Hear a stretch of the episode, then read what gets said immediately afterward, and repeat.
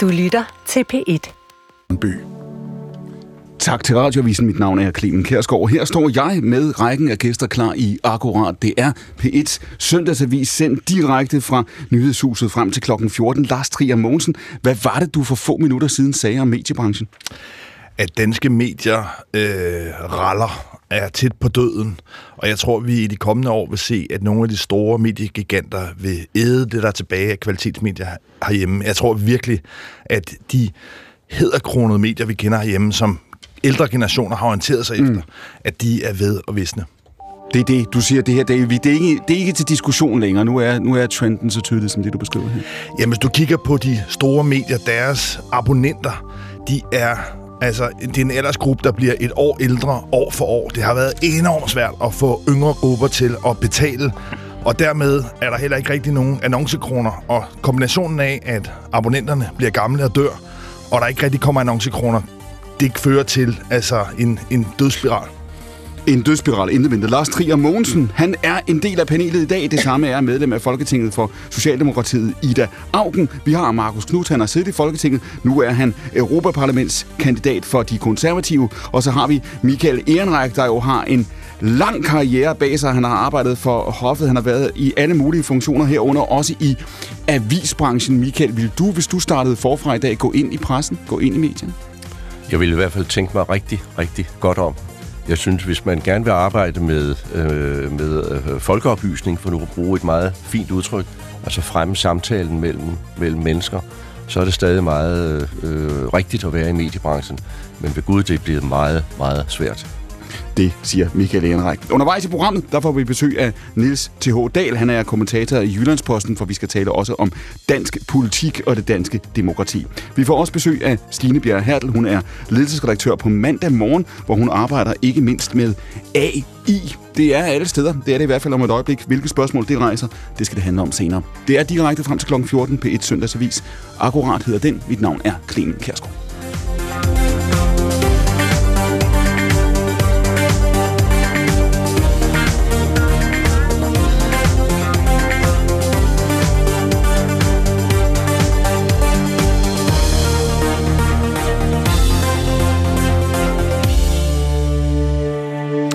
Ida Augen, nu hørte vi her før Lars Trier Mogensen beskrev den situation, som medierne oplever, at de øh, befinder sig i, og den spiral, han taler om, kan man sige, har fået et par altså gode fur her øh, de sidste halvandet to år. Hvordan ser det ud for Christiansborg? Du har været folketingsmedlem i en årrække. Når I sidder øh, inden fra din stol og kigger ud på medielandskabet og siger, hvor skal vi placere vores budskaber? Hvor skal vi tage debatten? Hvad tænker I så?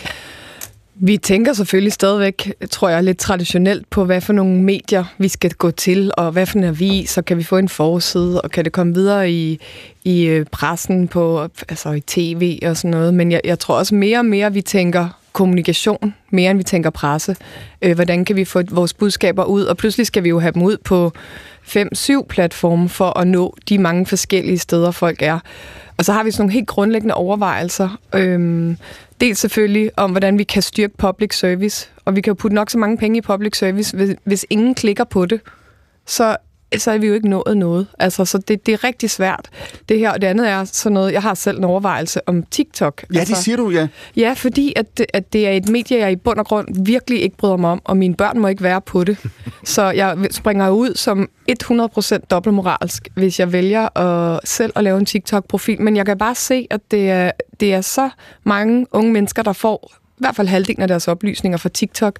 Og det vil sige, hvis det er virkeligheden, så kan vi nogle gange blive nødt til at sige, kan jeg komme derhen og komme i tale med de her unge mennesker og få dem til at interessere sig for politik, så kan det være, at jeg bliver nødt til på en eller anden måde at være på det medie. Men jeg mm. synes, det er en utrolig svær diskussion og svært spørgsmål, og vi må i hvert fald ikke have det på vores folketingstelefoner, øh, så nogle andre skal lægge det op for mig, hvilket de foran sig også tit gør på mine andre platforme. Ja, lad os lige prøve at høre fast i den. Du siger det her med, med, med TikTok, som jo for dem, der ikke kender platformen, er en platform kinesisk øh, ejet, kinesisk drevet, i overvejende grad har været set som et ungdomsmedie, altså også for meget unge, unge kan man sige, som jo altså består af ofte meget korte videoer med et meget højt øh, altså underholdnings, øh, underholdningsindhold. Man kan diskutere værdien af det, men indholdet er der. Øh, Ida Augen, du sagde før også, at Facebook har i virkeligheden tabt betydning for, for jer. Ja, vi, hvis vi lægger noget på Facebook, så, så falder, falder det dødt ned, hvis det ikke handler om vores kattekilling eller noget, vi har strikket til en af vores kollegaer. Øh, så, eller noget, I har strikket til kattekillingen, så er den ja, god, eller, så er den ja. rigtig god. Så får den fuld, fuld blæs på Facebook, ikke? Altså, det vil sige, hvis man på nogen måde prøver at kommunikere politik, som jo trods alt er det, vi gerne vil være i dialog med befolkningen om, det er, hvordan får vi et bedre samfund, hvad skal vi gøre Øh, det, det er meget svært på Facebook, og derfor jeg bruger meget lidt tid på det, det må jeg sige. Markus Knud, det vi jo ser, nu sagde jeg før, at du er kandidat til Europaparlamentet, har en fortid blandt andet i, i, i, i Folketinget. Det her bliver den valgkamp, vi er øh, på vej ind i, som jo er en dansk ting, og som er en, en, en, en tværeuropæisk ting. Vi kan se i de her dage, hvordan vrede landmænd demonstrerer. De kører deres traktorer ud på øh, motorvejene øh, øh for at gå ud og, og, og signalere over for politikere i land efter land vi føler os sat af, vi, vi føler os øh, marginaliseret. Bliver det her Europaparlamentsvalg, det valg, hvor det her slår igennem, det som Ida Augen taler om, øh, det som Lars taler om før, dybest set, at vi ser ikke kun i Danmark, men bredt en fragmenteret offentlighed, hvor den, den offentlige samtale, Ehrenreich var inde på det før, i virkeligheden har altså langt ringere vilkår, end det nogensinde før haft. Jeg, jeg tror i hvert fald, men det, det har jo været under opsejling længe, øh, også i forhold til, til TikTok. Jeg er heller ikke selv på, på TikTok, og øh, jeg, jeg, jeg vil sige, jeg føler mig lidt, øh, lidt gammel nogle gange. Jeg kan huske, da jeg gik ind i politik for de der 10-15 år siden, hvor Bertel Hårder ikke var på Facebook, og man tænkte, ej, og, og nu er det så mig, der står og siger, jeg ikke Nu er det dig, der er Bertel Hårder. Lige, lige præcis. Ja. øhm, og øh, jeg har det svært med et medie som TikTok, fordi det er så, øh, det er så populistisk. Det er sådan små, korte beskeder, du, som, som, som Ida siger, du kan ikke have den dialog, du gerne vil have. Jeg synes nu stadigvæk på, på Facebook, man godt kan have nogle gode dialoger. Jeg lavede et opslag i går om krigen i, uh, i, i Gaza med, med kritik af FN, hvor, hvor nogle medarbejdere er under mistanke for at have deltaget i, i, i øh, terrorangrebet på, på Israel, og mm. det sætter en meget, meget kraftig debat i gang. Så det er da ikke helt dødt på Facebook endnu, men, men jeg tror i hvert fald, jeg vil personligt få svært ved at navigere i, i et uh, univers som, som TikTok. Du er kandidat for de konservative nu, Markus. Man kan sige, at det, her, det mønster, vi ser, vi ser det i Danmark, men vi ser det i en række europæiske lande, det er jo, at, at de store borgerlige partier er de sidste 10-15 år blevet udfordret, kan man sige, af nye øh, personer, nye, nye bevægelser og nye også partier, øh, kan man sige, meget ofte med en national konservativ dagsorden. Man kan se på, på Le Pen øh, i, i, i Frankrig, der konsekvent når til anden runde af præsidentvalget. Vi kan se på Alternativ for Deutschland, som jo altså i de her måneder står til øh, øh historisk øh, gode resultater, hvis der skulle komme valg i Tyskland i morgen. Øh, langt større end, end, øh, end SPD, og i virkeligheden et parti nu, der til synligheden, hvis man skal tro målingerne, hælder ind på, på, på, på CDU.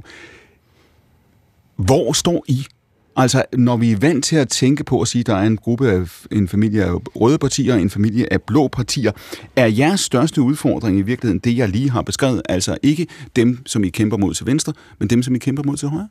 Jamen, måske ikke så meget i, i, i Danmark, fordi at udlændingepolitikken er blevet meget mere mainstream i, i Danmark, men hvis du kigger på netop Tyskland og, øh, og, og Sverige, hvor øh, de ydre højrepartier er blevet, blevet holdt nede. Man har ikke kunnet have en åben debat omkring øh, de, værdipolitikken og udlændingepolitikken, og det har jo bare ramt dem som en, en, en boomerang, øh, både fordi, at de har haft en så markant meget større asyltilstrømning, end, end vi har, og derfor har de nogle problemer, som vi heldigvis øh, ikke har i samme omfang. Øhm, og, og så har du også nogle partier øh, på, på, på den ydre højrefløj, som er rigtig gode til at bruge de, øh, de sociale medier.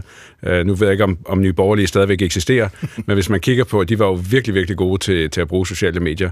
Øh, jeg tror også, de havde nogle gode rådgivere til det, men, mm. de bragede jo igennem blandt andet på Facebook på en måde, hvor, hvor vi andre politikere bare sad tilbage og tænkte, hvordan er det lige, de får øh, 5.000 likes hver gang, de laver et, øh, et opslag. Så de, de kunne noget, som vi andre ikke kunne.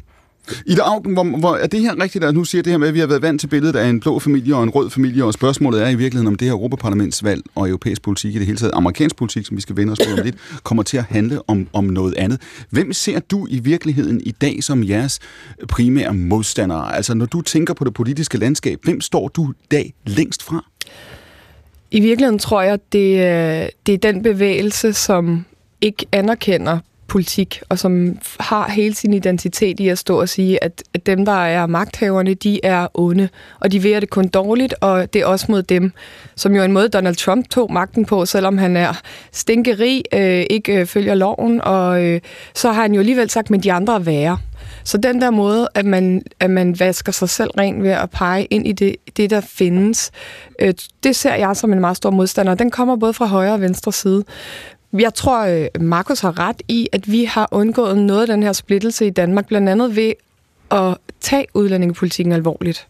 Og jeg synes, det er spændende, hvordan jeg har tyske kollegaer, både fra CDU øh, og SPD, der kommer nærmest til Danmark for at prøve at studere, hvordan Socialdemokratiet har øh, fordi vi har taget dagsordenen alvorligt og taget folks bekymringer alvorligt, har kunne lave nogle løsninger, kunne lave nogle ting, som måske holder den her enorme uro og bekymring lidt nede, så vi også kan snakke om klimapolitik, så vi også kan snakke om velfærdspolitik. Men nu legner du virkelig op til det næste spørgsmål, fordi spørgsmålet er jo at sige, jamen hvis, hvis, hvis du har ret i det, og det kan man jo sige, det viser målingerne, tyder målingerne og de sidste 10 års Danmarks historie på, jo på en eller anden måde, at der i hvert fald er sket en, en parallel forskydning, kan man sige, af dansk politik, som ikke, som ikke har fundet sted i andre europæiske lande endnu. Nu nævner du selv klimaet. Hvad hvis det bliver den næste værdikamp i Dagen? Hvad gør I så? Fordi en ting er, kan man sige, at frontforkorte i forhold til udlændingepolitikken. Det er en beslutning, I traf for, for, for mange år siden, og I var ikke øh, alene om det. Hvad med klimaet? Fordi klimaet kunne godt i øjeblikket ligne den næste værdikamp. Jamen, det er jeg ret overbevist om, det bliver. Altså, hvis du ser øh, Danmarks Demokraterne, så varmer de der op til at stå uden for en CO2-afgift. De øh, varmer op til øh, at sidde på, på ladet af traktorerne, når de skal køre ind til, øh, til byerne, ligesom de tyske landmænd. Jeg må sige, for mig det er det lige så uacceptabelt at blokere vejen med sin traktor, som det er at lime sig fast til den. Og jeg, der er ikke mange, der har respekt for klimaaktivister, der forhindrer almindelige mennesker i at komme på arbejde. Hvorfor skulle vi så have mm. respekt for folk, der kører 16 tons jern derhen for deres egen interesse? Så jeg tror, at den måde, vi kan mødegå det på, det er faktisk, at vi har en regering over midten, og vi prøver at holde så mange ind i det her loop som muligt af partierne, fordi det trods alt stadig er en relativt stærk øh, forening, vi har om klimapolitikken, men ja, vi bliver nødt til at lytte til hinanden. Ja, er det det, i Augen står? Er, er danskerne og den nuværende regering forenet om klimapolitikken? Lars Ågaard, klimaminister, har jo lige givet et interview til, til Altinget, hvor han taler om, hvad er status her? Han taler om de løfter, der skal øh, levere på, leveres på. Han var ude tidligere øh, og sige efter regeringsskiftet, vi er nødt til at have en klimapolitik, som det absolutte flertal af borgerne kan, kan spejle sig i. Er I i stand til det? Er I i stand til i Socialdemokratiet og SVM at, at bygge en alliance og, og, og formulere en koncept konsensus, som kan række fra klimaaktivisterne i den ene ende, som er begyndt at tage midler i brug, som I lægger afstand til, og så over til de vælgere, som I er nødt til at kunne forhindre i at gå til Danmarksdemokraterne, vil, det ellers måtte være? Jeg ved ikke, om vi kan række fra den yderste venstrefløj og yderste højrefløj, men man kan sige, at det vi gjorde på energipolitikken i Danmark ved at lave brede aftaler og ved at involvere industrien, som er faktisk det, der gør, at vi nu får 100% grøn eller varme, det er det samme, vi skal gøre med landbruget. Altså det er simpelthen at få dem med ind ved bordet, og jeg synes i øjeblikket, de er relativt konstruktive, i hvert fald en stor del af landbruget, øh, i denne her debat. Og hvis ikke øh, vi kan gøre det nu sammen med Venstre og få lavet den brede aftale, der gør, at en ny regering ikke bare ruller tingene tilbage, frem og tilbage, øh, så, så bliver det svært. Så det bliver meget vigtigt lige nu at holde tungen lige i munden og, og kunne lykkes hen over midten med det her. Lars Trier Mogensen, ser du den samme udvikling? Altså nu, nu talte I i dag før om det, der skete med udlændingepolitikken her, den forandring, som Socialdemokratiet selv har været igennem i, i, i Danmark. Hvor meget kan det fortælle os om, hvad der kommer til at ske med klimakampen? Jamen, klimakampen er blevet den nye udlændingepolitik, i hvert fald i resten af Europa. Altså mange af de sprækker, mange af de øh, altså, kan man sige, modsætninger, vi ser i Holland, i Tyskland, i Frankrig, også i Storbritannien, det er båret af, at der er det, man på engelsk kalder sådan et net zero backlash. Altså, at der er en antiklimabevægelse, som vinder momentum og som i Holland har vundet meget kraftigt frem. Jeg tror også, vi vil se ved Europaparlamentsvalget, at mange af de partier, der stiller sig i antiklimapositionen, at de vil vinde kraftigt frem.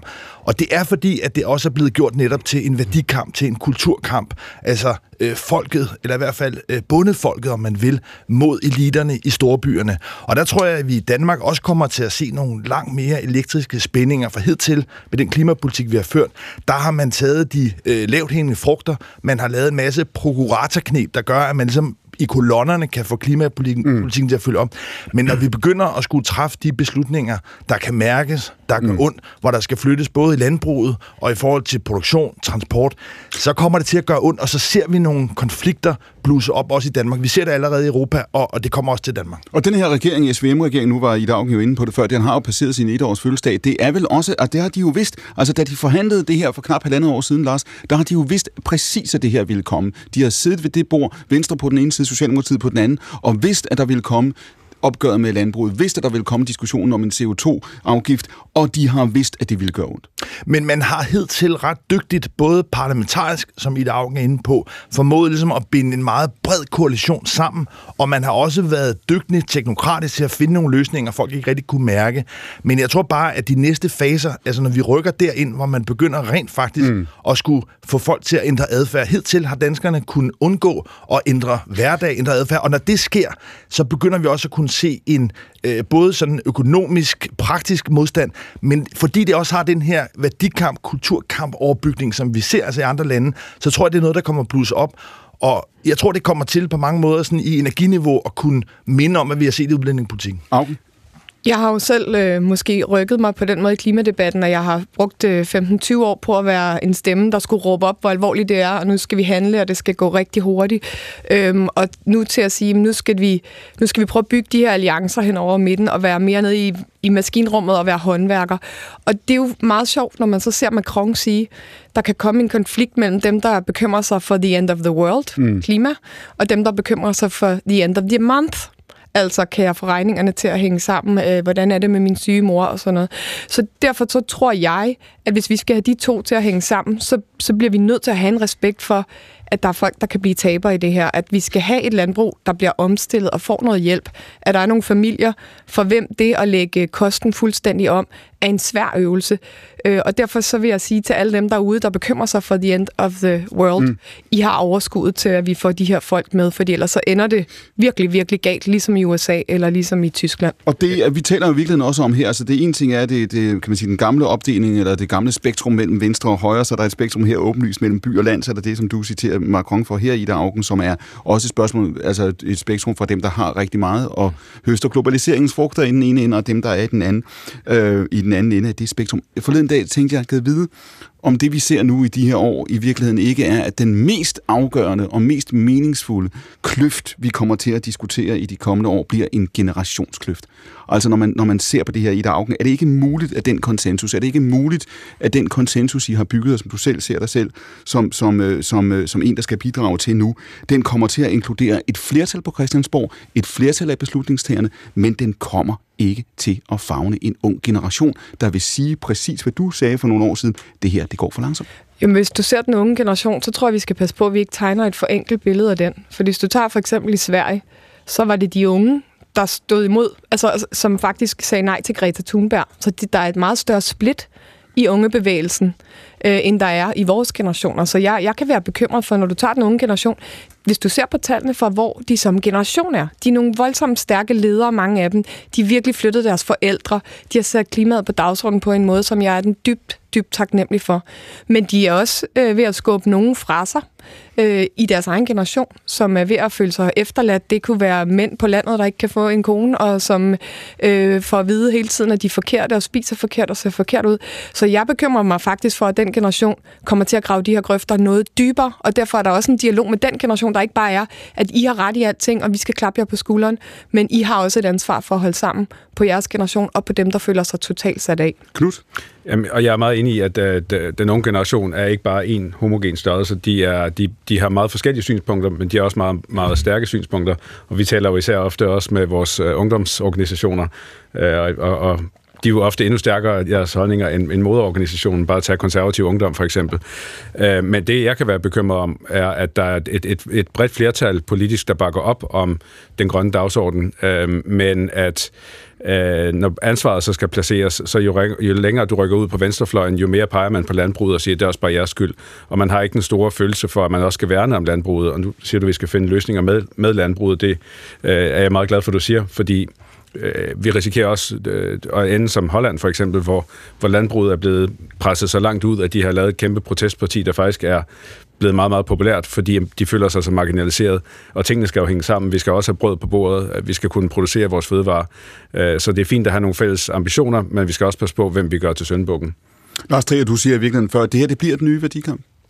Ja, fordi at det er, altså, jeg tror bare, man skal forstå, at det er lidt mere sådan øh, underholdningsbaseret, mere skurke helteagtige univers, vi bevæger os ind i, mm. når det ikke er de gamle medier, men det er nye medier, der er båret af, at der ligesom skal være en effekt. Så får man altså flyttet de fleste debatter fra at have været sådan gammel fordelingspolitik, altså noget med økonomi, over til at blive mere værdikampe, altså hvor det er mere symboler og lidenskaber.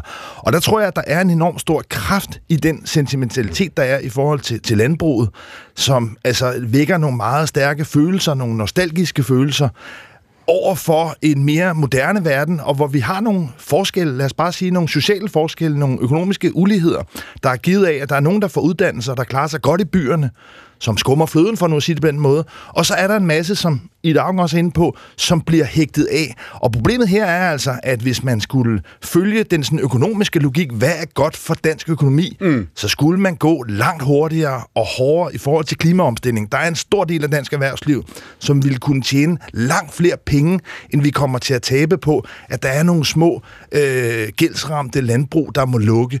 Men, men fordi at det bliver en kulturkamp, så tror jeg, at det bliver nogle meget, meget hårde fronter, og hvor der bliver altså nogle konflikter, som vil tænde folk op på sociale medier. Men igen, det bliver helte og skurke, og derfor bliver det lidt noget, øh, noget drama, mere end det egentlig bliver noget, der kommer til at handle om, om realpolitik. Og det er det sidste, klimapolitikken har brug for. Altså, den har faktisk brug for, at vi kan holde sammen, og vi går i arbejdshåndværker-mode, fordi nu har du også, Lars, været langt ned i det her. Det er jo så sindssygt meget mere komplekst, end folk forstår. Og hvis du bare siger, ja, 75 procent, 80 procent, så er der overhovedet ikke blik for, hvad kræver det af ledninger i jorden, hvad kræver det af master deroppe, hvad kræver det af vindmøller lige i udsigten, eller midt i Vadehavet, hvad kræver det af, øh, at vi fjerner folks biler, eller hvad det nu er. Så, så det der med, at der er jo meget mere brug for håndværker, folk nede i maskinrummet, end nogen, der står og flager øh, synspunkter på den ene eller den anden side. Vi skal tale om dansk politik senere. Øh, Lars Trier Mogensen, nu sagde jeg før, det her det lå på bordet. Vi, vi snakkede om det, det lå på bordet, da man dannede SVM-regeringen. Man vidste godt, at det her det, øh, det, det ville komme. Står SVM-regeringen samlet på den her dagsorden? Har SVM-regeringen fundet den position, som, som Ida Augen taler om, hvorfra man kan forene det her og, og vise troværdig handling? Ja, det synes jeg langt hen ad vejen, det er Venstres linje i det her spørgsmål, som er den, der styrer. Altså, hvor Socialdemokratiet måske ikke har haft en tradition for at have en særlig grøn profil. Der i den sidste regeringsperiode, der var de meget bundet af de, øh, den aftale, de lavede med forståelsespapirpartierne, og tonede de mere grønt. Nu har de så lavet en alliance med Venstre og med Lars Lykke, og det er i høj grad blevet Venstres logik, og kan man sige, trylleformularen her er, at landbruget sådan set bare skal kompenseres økonomisk. Vi skal have mere planøkonomi i landbruget, flere støttekroner, så vil det nok øh, dulmes lidt ud. Men det er Venstres øh, land, eller klimapolitik, det tror der, jeg, at du finder nul venstrefolk, der vil sige. Jeg tror, det er det sted, de synes, de virkelig har givet noget. Det er på landbruget. At der kommer en CO2-afgift på landbruget, det er nok noget af det, der gør mest ondt på Venstre. At der ligger en landbrugsaftale, hvor der skal reduceres kvælstof over 4.000 ton og mere endnu, øh, er noget af det, der er allersværest. Og hvis der er noget, Socialdemokratiet har stået fast på i det her valg, så er det, at landbruget skal omstilles. Men så jeg synes, du tegner et forkert Nej, billede, og det der med, at du heller ikke siger, at vi har været en tradition for at være et grønt parti. Det var sådan set Socialdemokratiet, der skabte klima- og miljøpolitikken. Det var os, der skabte omstilling i hele energisektoren op gennem 90'erne. Så det er et meget fortegnet billede, Jamen, der, du har af, hvad Socialdemokratiet og klima- og miljøpolitikken er for en størrelse. Det, der er lagt op til i regeringsgrundlaget, det er, at landbruget skal mere end kompenseres for den formentlig ret beskidende CO2-afgift, de skal betale. Så alle pengene skal i første omgang føres tilbage til landbruget, og derudover har Troels Lund Poulsen også meget klart slået fast, at landbruget skal have ekstra midler, blandt andet for den grønne fond, som er en stor milliardfond, der oprindeligt var tiltænkt til vindmøller og alle mulige andre typer omstilling. Så landbruget vil ende med Men at sidde tilbage med en federe check. Og det tror jeg, at landmændene det som har godt kan også acceptere. fået, og de skal jo stilles om, så de for eksempel laver et mere plantebaseret landbrug, så de dyrker skov, så de bruger de her nye biosolutions. Vi skal have fødevarer, vi kan lave meget mere mad til flere mennesker på mindre plads, hvis vi laver den her omstilling. Så det er, jo ikke, det er jo ikke et problem. Det er jo godt. Se, du kan godt se, hvorfor du er placeret i panelet, hvor du er med din, med din fortid og med din nutid, jo altså konservativ. Du har en, en fortid venstre der. Det er en diskussion, som jeg har sagt, du kender fra, fra jeg kan simpelthen se, at du står og tænker på, hvor mange potentielle sure landmænd er der i det her for det konservative folkeparti at trække sig? Øhm, jamen altså, vi, vi synes jo, at CO2-afgiften er en god idé, hvis man kan gøre, især hvis man kan gøre det på, øh, på europæisk plan. Men der, hvor det gør ondt, er, hvis Danmark går ind og, og kommer med en afgift, som kun øh, rammer dansk landbrug. Og det er jo derfor, det har været ved at æde Venstre op øh, indenfra. Øh, og, og derfor det nok har været et, et problem mest af alt for, for, for Venstre. Øh, og det er også derfor, jeg står og smiler lidt, når du siger, at, at Venstre har øh, fører, føretrøjen i, i den her øh, klimadiskussion i regeringen. Det er i hvert fald ikke sådan, som, som jeg ser det. Men pointen er, at det kompromis, der tegner til at vi lande, det er et, der tager Gud ser Venstre. For det er helt klart, at selvfølgelig har der været folk i Venstres øh, bagland, som har været frustreret. Men bemærk, på Danmarksdemokraternes øh, årsmøde, der var formanden for øh, Landbrug og Fødevare oppe, Søren Søndergaard, han prøvede at mane til ro og sagde, prøv at høre, vi er på vej med en rigtig god deal. Her i den kommende uge, der mødes den grønne øh, trepart for første gang, og der er lagt op til, at der kommer rigtig, rigtig mange penge på bordet til landbruget. Så jeg er med på, at der er en masse virak. Der er vi igen ude i kulturkampen. Det er noget, der mm. hisser stemning op. Men når vi kigger ned under det i pengene, så kommer landbruget til at få en fed check ud af det her.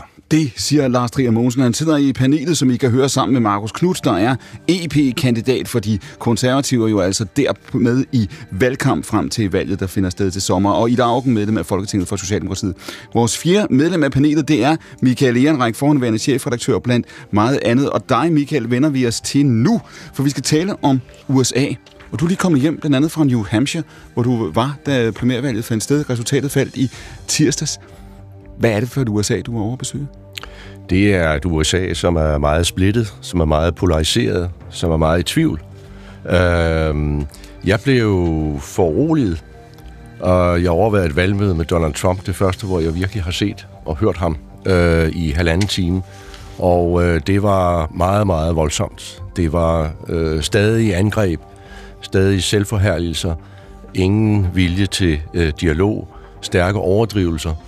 Øh, men jeg blev også øh, samtidig beroliget, fordi da valgresultatet kom, så viste det sig, at hans øh, eneste tilbageværende øh, republikanske modkandidat havde fået næsten halvdelen af stemmerne, langt mere end man havde regnet med. Og øh, tallene nede under det øh, overordnede valgresultat viste, øh, at øh, der er mange inde på midten, som ikke vil have med Trump øh, at gøre. Så øh, der er nok ingen tvivl om, at han bliver øh, republikanernes præsidentkandidat øh, med, med, med overvældende flertal.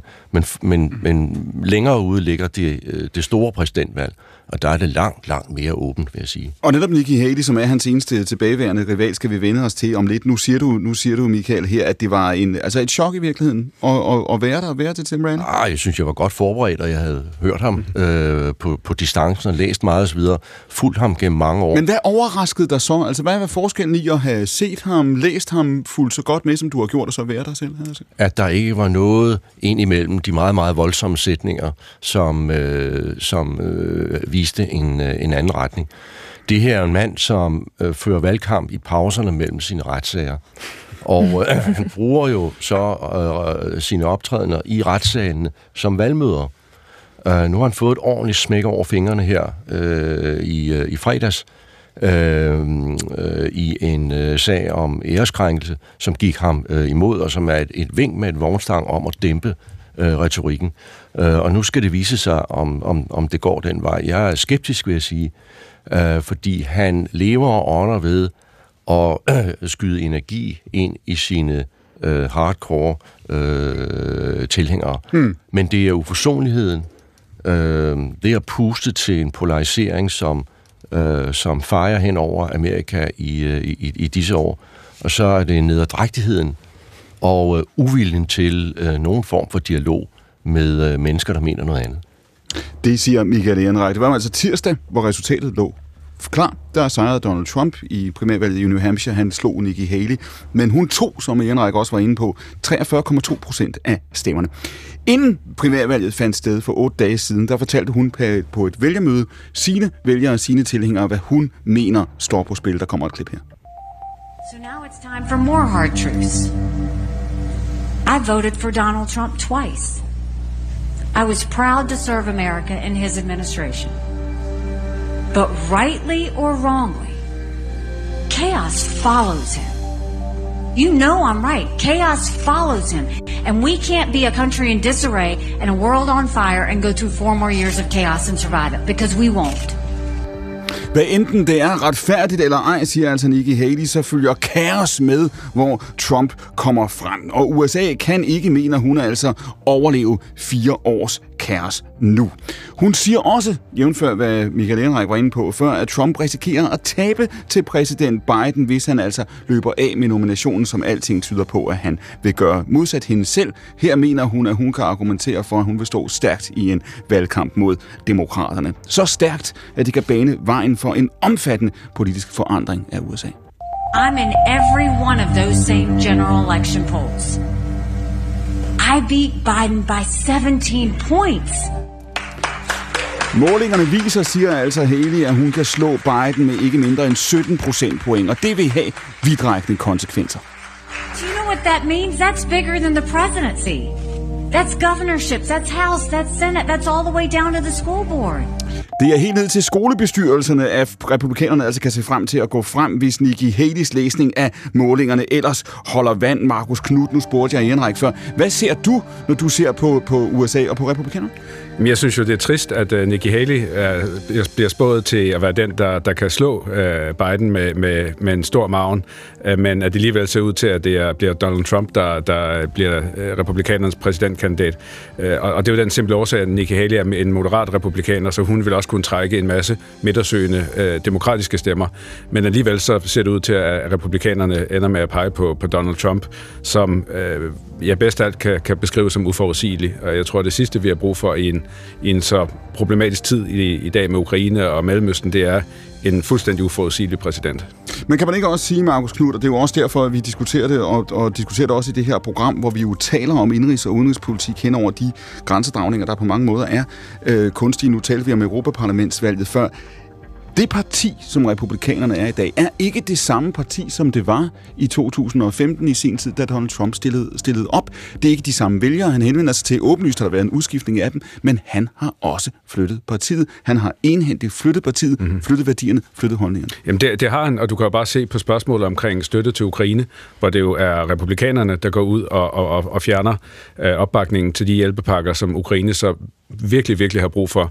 Øh, og der kan man jo ikke som, som, som dansker overhovedet forstå, at det giver mening. Det er jo amerikanerne, der har været der for os i første verdenskrig og 2. verdenskrig. Øh, og nu er det så republikanerne, som, som går ud og siger, at vi behøver ikke bruge øh, penge på at støtte Ukraine. Og derudover så binder de jo det jo sammen med, med en, en, en styrket grænse til Mexico, hvor de jo tager to emner, der overhovedet ikke har noget med hinanden at gøre, og dermed skaber usikkerhed i Europa. Henrik? Man kan spørge sig selv, hvordan er øh, det store øh, Amerika kommet så vidt? Er en øh, spredebase, øh, en øh, entreprenør fra New York, øh, er, er nået så langt i, øh, i politik?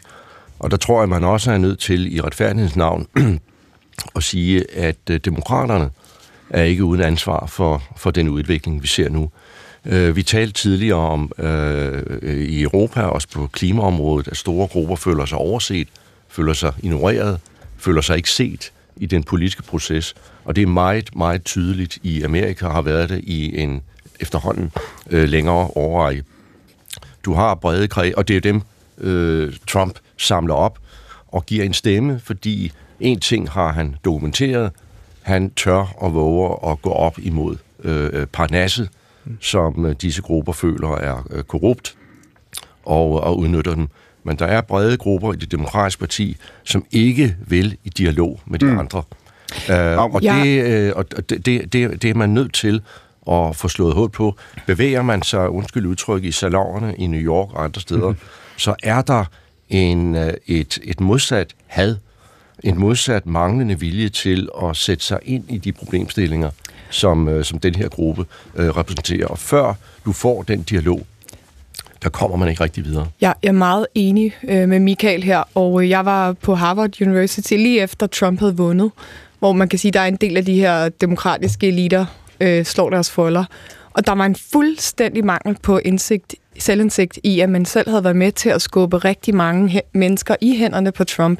At man har opført sig relativt arrogant over for nogen, man ikke har haft taget folks bekymringer alvorligt, øh, talt om flyover country, hele Mellemamerika, altså mellemdelen af USA, Middle America, hvor så har du en østkyst og en vestkyst, der boomer afsted, og så har du bare glemt hele midten.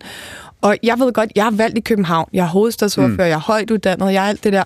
Jeg synes, det er mit ansvar at tale balancerne op i vores land også, og jeg synes faktisk, det er helt afgørende, at vi lærer af USA, at den kulturkamp, der kommer eliterne i byerne tit til at spille den rolle lidt for perfekt. Men Ida Auken, man og kunne- det skal man simpelthen vrikke sig ud af. Men man kan jo sige, på en række punkter, der har Joe Biden jo ført en politik, der efter amerikanske standarder er på visse punkter og parametre ganske venstreorienteret. Han har brugt staten, han har brugt statens ressourcer i virkeligheden for at adressere præcis det, du taler om nu. Han spænder rundt til fabrikker og cykelbutikker og taler med iværksættere og taler præcis om det her øh, uh, Middle America, the flyover state, som du, uh, som du nævnte. Man kan bare konstatere, det har ikke virket. I hvert fald føler vælgerne ikke, at det har virket.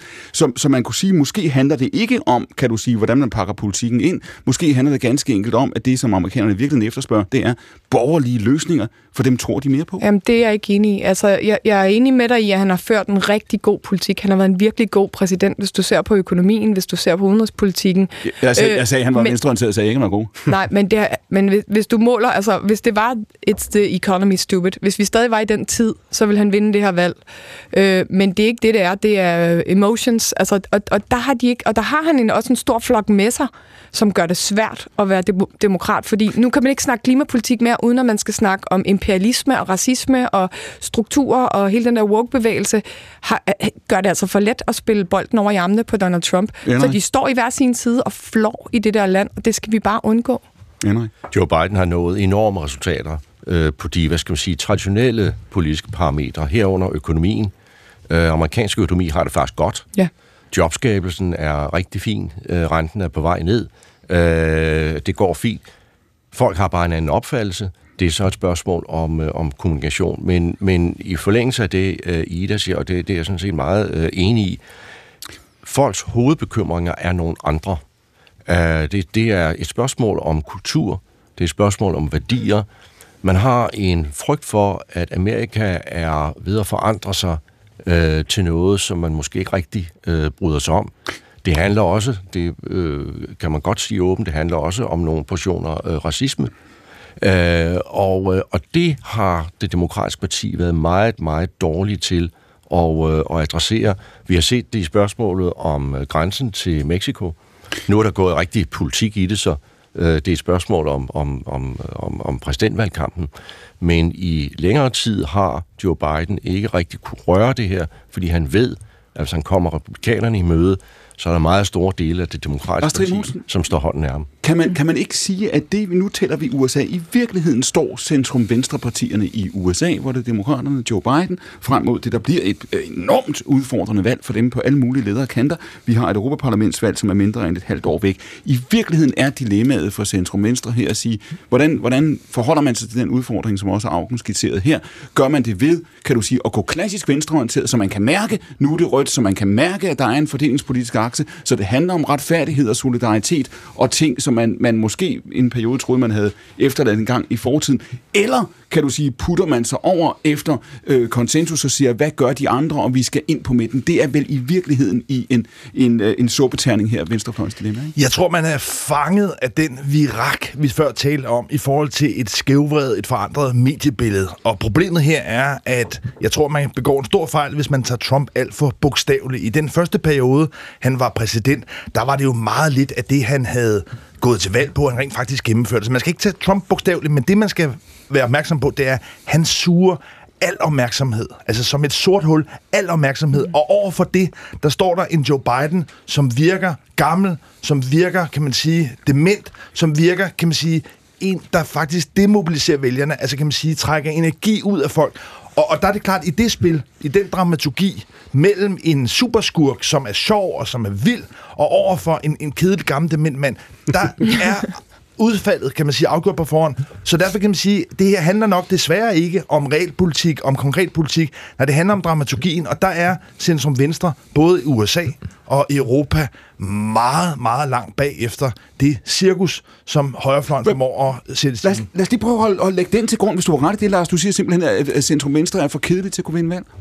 Ja, altså, jeg, jeg tror simpelthen, at øh, desværre, vil jeg bare understrege, desværre har vi fået en, en offentlighed, hvor det at kunne udvise showmanship og lave noget ballade til en ild i gardinerne, lave et cirkusshow, hvor der ligesom er noget drama, noget intensitet, det er noget højrefløjen, altså både på sociale medier, men også øh, i deres udsagn alle mulige andre steder, formår at spille altså helt ubegribeligt meget bedre end en sådan hensynende, Markus øh, lidt for fornuftig, skoagtig øh, venstrefløj. Markus Knudt, hvor meget af det her, det som, som, øh, som Michael Ehrenreich fortæller fra New Hampshire her, hvor mange, hvor mange af de her logikker, hvor mange af de her kræfter, som vi har set forandre amerikansk politik over de sidste 10 år, kommer vi til at se manifestere sig nu i, i opløbet til det valg, hvor du selv står på stemmetiden til, til, til juni. Bliver det her ikke, kan man sige, når vi ser på substansen, når vi ser på temaerne og på de her problemer, bliver det ikke præcis det samme?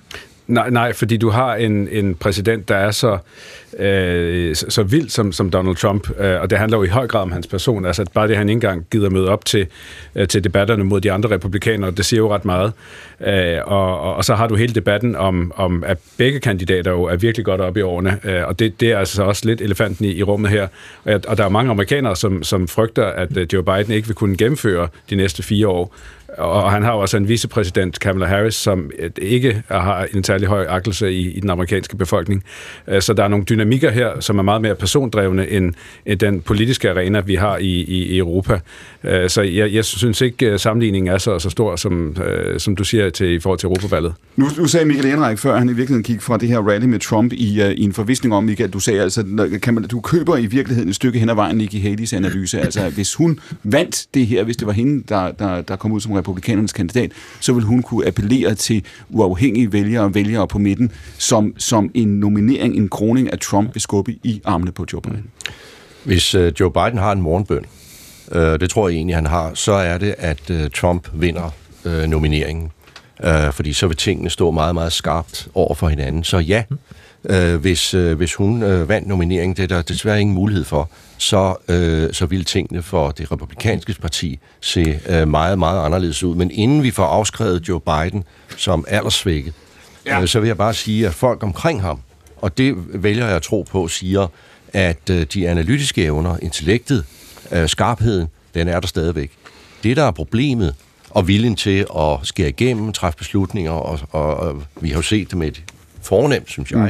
internationalt overblik, og en meget øh, stor handlekraft.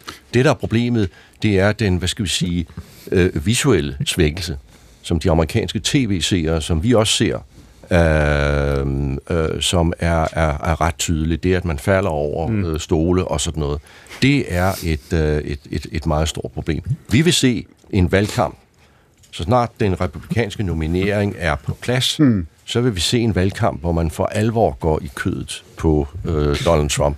Øh, vi diskuterer nogle gange negativ campaigning, at det er sådan noget, øh, man ikke bryder sig om, mm. men det vil man se i meget, meget We, kort we omfang, ain't i seen nothing yet, som I, i, amerikanerne vil meget. I må- månedsvis, ja. Nu siger Ida Augen, vi startede den her time, vi åbnede den der efter radioavisen, hvor du siger, siger du har et øh, personligt dilemma i øjeblikket, om du skal have lov til at være på TikTok, når du, når du siger, at det må dine børn ikke. Og det var jo i virkeligheden lidt svaret på det, som Lars Trier sagde før. Det er jo også et spørgsmål om at sige, hvem sætter dagsordenen? Hvem er synlig? Hvem eksisterer overhovedet i det øjeblik, at vi lever i en politisk virkelighed, som vi i høj grad er i nu, hvor du kun findes, hvis du er på de sociale medier, og du findes kun i dag, hvis du er på de sociale medier i dag. Hvad ligger, tænker du, når vi ser på den amerikanske valgkamp nu, på det der er realiteten i USA? Hvor, hvor er vi på det her om 5 eller 10 år? Er du fortrøstningsfuld i forhold til, om demokratiet hænger sammen? Jeg er ikke fortrøstningsfuld med USA. Jeg synes, begge sider spiller en rolle, der flår det land endnu mere i stykker, og der er ikke nogen kulturel samhørighed, hverken i kirkerne, synagogerne, øh, eller nogle af de andre kulturelle ting, der kunne binde et land sammen, der kan demokrater og republikanere ikke længere være i samme rum. Så for mig at se handler det om at have en midte, der der kan lave en bred, også kulturel forståelse af, hvad et land er, binde det sammen, og ikke hoppe ned i det her. Men så skal man samtidig gøre det på en lidt sjov måde, så man også kan få det ud på de her sociale medier. Så det er både at være kedelig håndværker på midten, og gøre det sjovt nok, til du er i den her debat. Og det du siger, det er... Det, Det er den svære øvelse. Du siger, den udfordring, er, er, er det rigtigt, Markus Knudt, at det er et spørgsmål om, fordi man kan sige, det midterprojekt, som vi har, som SVM siger, det er det, som Ida Augen argumenterer for. Hun siger, vi er nødt til at samle det, vi er nødt til at, at, at regere fra, fra midten. Hvad viser SVM'ers, kan det lade sig gøre? Mm, ikke, ikke særlig godt, når man kigger på SVM, fordi der ikke er, den, der er så meget, de kan blive enige om, så det bliver sådan nogle, jamen, så afskaffer vi en, en, en helligdag og så videre. Men, men når man kigger på den polarisering, der er i amerikansk politik, jeg, jeg havde besøg af en, en øh, amerikansk familie, jeg har kendt i, i mange år, med tre søstre, øh, voksne søstre, og øh, en af, to af dem var, var Donald Trump-fan, og den sidste var rygende modstander. De, de kunne næsten ikke tale politik, fordi de var så uenige. Og det er jo lidt en afspejling af, af den amerikanske politik. Det har vi heldigvis ikke i samme omfang i Danmark. Nej, men lad mig lige prøve at holde fast i SVM, fordi, fordi det, som Ida Augen siger, det her, det er det rigtige. Det, vi er nødt til at gå en anden retning end den mm. USA er i. Det skal foregå på midten. Du siger, du mener ikke, at det lykkes SVM, eller hvad? De kan lave nogle øh, aftaler, der er brede, men, men det er jo ikke, fordi der er en eller anden klar linje, hvor man siger, jo, måske på, på klimadagsordenen, men selv der øh, kunne de jo ikke blive enige om, om CO2-afgiften. Hvad, hvad, hvad, vil, tager, hvad vil sige, hvad vil sige, der er det sidste spørgsmål her, det sidste minut. Hvad hvis I i virkeligheden ender med at sende et signal til vælgerne, hvor I siger, her står vi, og det vi har til fælles, det er, at vi er eliten. Det er, at vi har et, oh, et sekund, det er, at vi er magten. Altså, I ender med, kan du sige, at sende præcis det signal, der vil sende vælgerne i alle mulige andre retninger. Det er selvfølgelig risikoen, når man har en flertalsregering, men vi har jo lavet store, brede aftaler på forsvar, vi har lavet det på økonomien, vi har lavet det på rekruttering, vi har lavet det på udlænding, der hænger vi også sammen, og vi gør det på klima- og miljøpolitikken. Så vi hænger jo sammen hen hvad, over midten. Hvad er risikoen? Bare kort svar, Lars Trier. Hvad er risikoen? Fordi jeg siger her, at vælgerne i virkeligheden kigger på et projekt som SVM, eller på brede regeringer i Tyskland, andre steder, og siger, prøv at høre, det er eliten, der rotter sig sammen det er jo i hvert fald de, os. Det er jo de pendulsvingninger, vi har set, når der har været de her teknokratregeringer. Altså Italien i Europa er måske skræmmeeksemplet på, hvordan det kan spredes ud til, til fløjene, når det er teknokraterne, der forsøger at styre. Det siger Lars Trier Mogensen. Vi nærmer os de sidste 10 sekunder af denne første time af Akkurat, men vi er tilbage på den anden side af radioavisen. Mit navn er Clemen Kærsgaard. Dette er Danmarks Radio, program 1, og nu er der nyheder, for klokken er 13.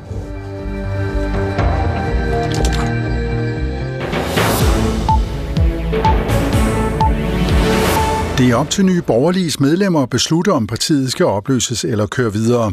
Det nåede partiets hovedbestyrelse til enighed om i går efter et fem timer langt møde. Det fremgår af en intern mail, som vi er kommet i besiddelse af.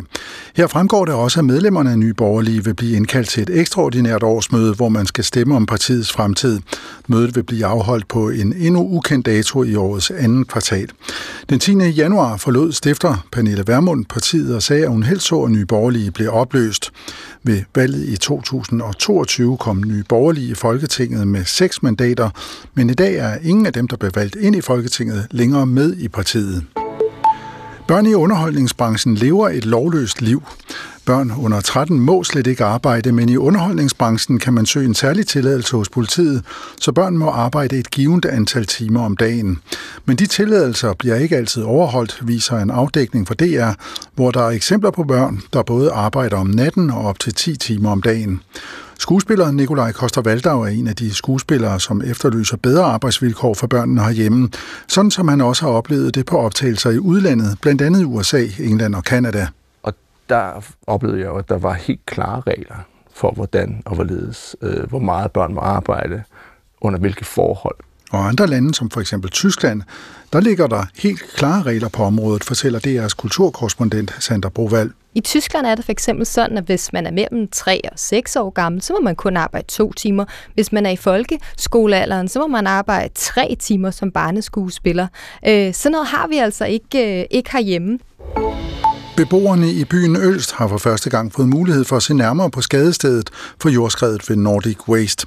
Det skete for kort tid siden, da Randers Kommune bød borgerne fra nabobyen på rundvisninger for at give dem et indblik i det sted, der nu har vendt op og ned på deres hverdag. Og så fik de en mulighed for at stille spørgsmål omkring, hvordan kommunen håndterer situationen, hvor virksomheden er gået konkurs, og oprydningsarbejdet nu er endt hos Randers Kommune og Miljøstyrelsen. Men for Jesper Weiss, der var med på rundvisningen kl. 11, så hjalp turen rundt i jordbunkerne ikke meget på forståelsen af situationen. Nu er man deroppe og se, øh, hvad der egentlig foregår i forhold til alle deres vandbassiner. Jeg ved fandme ikke hvad. Øh, alt det regnvand, der kommer, og hvor store kræfter øh, jorden egentlig har, ikke? Men, men altså som sådan, i forhold til planmæssigt, og hvad der kommer til at ske, også for, for selve byen og alt sådan noget, er det, der, man, kan ikke, man kan ikke blive klogere. Altså det, det synes jeg er imponerende nok. Lyder det her fra Ølstbeboer Jesper Weiss.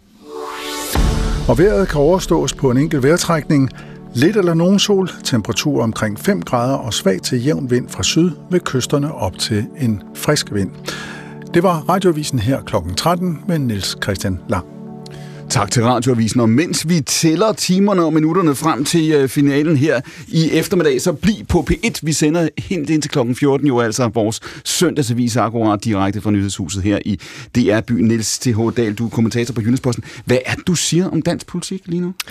Jamen, øh, jeg kom til at sige oven på den diskussion, øh, vi lige havde i sidste, i sidste time, altså om, hvordan øh, alting er polariseret, og alting mm. bliver vildere og vildere, og kun handler om underholdning i, i udlandet. Hvis man kigger ind på, på politik på Christiansborg, så er det jo i virkeligheden dødkedeligt. Altså, vi, der bliver lavet rigtig mange forlig og aftaler, men det er som om, det er enormt svært at få den politiske diskussion rigtig op at køre. De store slagsmål, som jeg sådan kan huske fra min barndom og ungdom mm. om økonomisk politik, politik og fodnotepolitik og øh, indvandringspolitik osv., det er på en eller anden måde væk. Øh, og det øh, siger på den ene side, tror jeg, noget meget specielt om det danske demokrati, ja. nemlig at vi er enormt gode til på Christiansborg og øh, godt nok tage nye partier og nye idéer ind, men de bliver alle sammen æltet ind i sådan en lidt øh, småkedelig øh, lovmølle. ja. øh, og på den anden side, og det er... Det lyder ikke så attraktivt, når du siger det på den måde, kan man sige, hva'? Nej, og det øh, kan man sige, det, øh, det øger jo ligesom presset på os, der skal prøve at gøre det lidt spændende, når vi, når vi skriver om det. Det, som jeg bare vil sige, er risikoen ved det, det er selvfølgelig, at alle dem, som sidder derude med meget store frustrationer mm. og rigtig gerne vil have de store slagsmål, at de ikke føler, at de kan tage dem i det parlamentariske demokrati. Og så er spørgsmålet jo, hvad sker der så? Hvad sker der så? Det er spørgsmålet, det siger Niels T. Dahl. Han er kommentator i Jyllandsposten og med os nu. I panelet sidder fortsat medlem af Folketinget for Socialdemokratiet, Ida Augen. Vi har Lars Trier Mogensen, som jo er journalist, kommentator, kendt for... Det er næsten, jeg spekulerede på det, Lars, før vi gik på. Det er næsten hurtigt at nævne, hvad du ikke de medie, information øh, arbejder du for at følge Tong P1 naturligvis. Michael Ehrenreich, han har en lang fortid i pressen, har også arbejdet for hoffet, og er jo altså så for ganske få dage siden vendt hjem, som vi sagde, for, fra New Hampshire. Og så er fjerde i panelet, Markus Knudt, tidligere venstremand. Men øh, hvis man vækker dig om, om natten, Markus, så spørger dig, hvilket parti du er med det med. Hvad svarer du så? Altid konservativ, og havde du vækket mig for nogle år siden og spurgt, hvad min grundholdning var, så havde jeg også svaret konservativ. Men øh, ja, jeg følte ikke, der var så meget plads til konservative synspunkter længere hos Venstre, så var det godt, jeg kunne vende hjem til det konservative.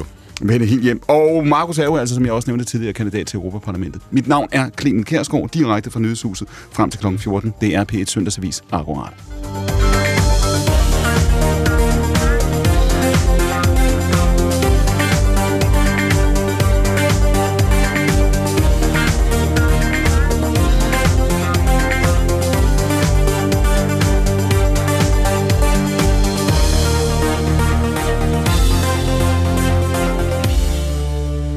Er, Niels T.H. Dag, nu skal du have mulighed for at udbygge det, som du sagde før. Du siger, at dansk politik er, er, er, er dødkedeligt. Det sidste år er det gået, som SVM-regeringen havde forestillet sig, fordi hvis vi lige skruer tiden tilbage, så havde vi en statsminister, Mette Frederiksen, en forhåndværende statsminister, Lars Løkke Rasmussen, som sagde, prøv at høre, hvis vi to sætter os sammen, så kan vi redefinere dansk politik. Det har de jo gjort kan man sige. Ikke? De har, har skabt et, et projekt her. Øhm, er det gået, som de havde troet? Mm, Både ja og nej. Altså, de har jo i hvert fald formået at, at skabe en regering, som stadigvæk holder sammen. De har også formået at lave en regering, som laver brede aftaler. Og de har også formået i et vist omfang at trække tempoet ud af dansk politik, som de, øh, som de også har talt om. Men i forhold til, om de har redefineret det, de kan, og det, der bliver gennemført, det stiller jeg mig noget mere skeptisk over for. Fordi langt de fleste af de aftaler, som den her regering laver, kunne sådan set også sagtens være lavet, øh, hvis det havde været en rød øh, eller en blå regering eneste sådan helt klare undtagelse, det er selvfølgelig Stor Bededag, som ingen havde tænkt på før valget, øh, og det har så også været den øh, sag, som er gået mest øh, galt for regeringen. Så øh, altså, øh, det er, øh, synes jeg, en bedrift, at øh, regeringen stadigvæk øh, flyder, men øh, på den anden side, øh, den har ikke formået at være en fuldstændig anderledes type regering end andre regeringer, og vælgerne har jo altså heller ikke købt ind på den. Og du siger, når man tænker, nu har der jo været et, et lederskifte, et tronskifte, apropos de tider, vi lever i, i Venstre for ikke så forfærdelig lang tid siden, som, som tog en masse opmærksomhed i efteråret. Men du siger, når man kigger på SVM-regeringen, som den står nu også med tilbagevendende rygter om øh, statsministerens fremtid, hvis hun får en international position, om hun kan finde på at vende øh, regeringen og dansk politik ryggen. Du siger, limen i denne her regering og i det her projekt, det er Lars Løkke Rasmussen. Ja, og Mette Frederiksen, de, de, som de, to, øh, det er jo de to, øh, hvad skal man sige, de to stærkeste politikere i regeringen, og de de to politikere, som øh, nok også, vi må sige, er mest, simpelthen ved mest om, om samfundets opbygning. Og det hører vi igen og igen, når regeringen sidder og forbereder udspil. Det er i den der akse mellem Mette Frederiksen og Lars Løkke Rasmussen, at, at politikken bliver til. De har opdaget, at de godt kan lide hinanden, og de har opdaget, at de respekterer hinanden efter i 20 år ikke at have vidst det. men, men, men det har de altså nu fundet ud af, og, og, og det fungerer øh, rigtig godt. Og det er klart, at hvis en af dem øh, forsvinder øh, fra dansk politik, så bliver det noget mere op ad bakke ind i maskinrummet i SVM-regeringen. Ja, og du, du diskuterer jo, kan du sige, to scenarier for det her. Du siger, der er et scenarie, hvor hvis Mette Frederiksen får en post, hvad venter så? Så samarbejdet, og så er der det andet scenarie, hvor hvis udenrigsministeren, Moderaternes formand Lars Løkke Rasmussen, skulle få en international post. Hvad så? Lad os lige prøve at tage det sidste scenarie før. først. Hvad sker der så? Altså, jeg tror, det allersværeste i virkeligheden for SVM-regeringen, det vil være, hvis Lars Løkke Rasmussen forsvandt, fordi øh, han på en eller anden måde øh, er, er, er, er opfinderen af SVM-regeringen. Det var ham, der foreslog den først. Øh, det er ham, der er bindeledet mellem øh, det røde og det blå øh, i den her regering. Øh, og hvis han forsvandt, ville man med stor sandsynlighed også kunne forudse, at Moderaterne simpelthen ville implodere, fordi der ikke er ret meget i det parti endnu andet end Lars Løkke Rasmussen. Forestiller vi os, at det var Mette Frederiksen, der forsvandt, så tror jeg, jeg vil give uh, lidt bedre odds på, at uh, SVM-regeringen kunne, kunne, mm. uh, kunne sejle lidt videre, fordi uh, der står jo altså uh, indtil flere, som godt kunne tænke sig at overtage den post. Lad os nu bare lege med tanken, det blev Nikolaj Vammen. Han er fuldstændig inde i det maskinrum. Han vil rigtig gerne køre det videre. Han er en god øh, forlismager. Så det kunne man sagtens øh, forestille sig. Så paradoxalt nok øh, tror jeg egentlig, jeg kommer til den konklusion, at det værste, der kunne ske for den her regering, det, hvis den gerne vil overleve, det er, at Lars Løkke Rasmussen forsvandt. Og når man så ser ud på resten af Folketinget i virkeligheden, så siger du, at der var noget tankevækkende ved den spørgeteam, der blev afviklet i, i tirsdags, når man kigger på de øvrige partiledere, og på det, der jo altså er en opposition, både på den ene og den anden side af regeringen. Hvad er det? Jamen her kommer jeg lidt tilbage til det her med det, med det kedelige dansk politik, fordi spørgetimen, det er jo sådan en institution, som er skabt i Folketinget, som øh, rigtig skulle skabe noget raballer og skulle skabe noget kamp og krig mellem regering og opposition, øh, sådan lidt faktisk øh, med forbillede i det, i det britiske parlament. Ja. Øh, og øh, der sker jo så det i tirsdags, øh, Mette Frederiksen hun stiller op, som hun skal, øh, til, til spørgetimen. Der er øh, otte oppositionspartier, der alle sammen kan stille spørgsmål. De fire partiledere er ikke til stede øh, af forskellige grunde, så der er kun fire tilbage. Øh, hele spørgetimen endte med kun at vare en, øh, en halv time, og jeg sad og lyttede på det hele, og der var faktisk nærmest ikke et eneste ordentligt angreb på Mette Frederiksen. Det hele var sådan lidt nogle opklarende spørgsmål, og øh, jeg synes, regeringen gør det rigtig godt på det her område. Kunne vi ikke gøre det lidt bedre, hvis vi også lige tog vores forslag med? Så det blev sådan en, en underlig lille hyggesnak. Og det, det, der er interessant ved det, er, at der er mange, som siger, jamen vi kan ikke lide, at der er så meget slagsmål i politik, og vi kan ikke lide, de taler grimt til hinanden. Vi vil gerne have, at de taler godt til hinanden. Og det kan man også godt forstå, der er mange, der gerne vil. Men sagen er bare den, hvis ikke slagsmålene er der, mm. så er det meget svært for folk at forstå, hvad det er, der foregår. Så er det svært for folk at identificere sig med, hvad er det, hvad er det overhovedet, siger den du, politiske kamp handler om. Siger du også, altså, når man diskuterer, hvordan det kommer til at gå regeringen, hvor længe den kan sidde, hvad den planlægger at gøre, om det går godt eller skidt, siger du, det er i virkeligheden i langt højere grad historien om, hvad sker der i den absolute absolute regeringstop med, med de tre partiledere, end det er øh, øh, historien om, hvad, hvad vælgerne tænker, eller hvad de øvrige partier tænker. Ja, det er det i hvert fald på den korte bane, fordi mm. der er ikke nogen trussel mod regeringen øh, nu og her, og, øh, og slet ikke fra oppositionen. Altså, fordi øh, en ting er jo, at oppositionen er splittet, men jeg synes, det vi så i tirsdags var også bare, at oppositionen er også virkelig, virkelig tandløs. Altså, den mangler simpelthen en eller anden angrebsmotor, øh, så, den, så den kan sætte den her regering under pres. I, øh, Lars Trier? Jamen, jeg er helt enig i, at oppositionen står meget resinerende tilbage. De har ligesom næsten givet op, fordi de må besinde sig på den parlamentariske realitet, der er, at regeringen har sit eget flertal.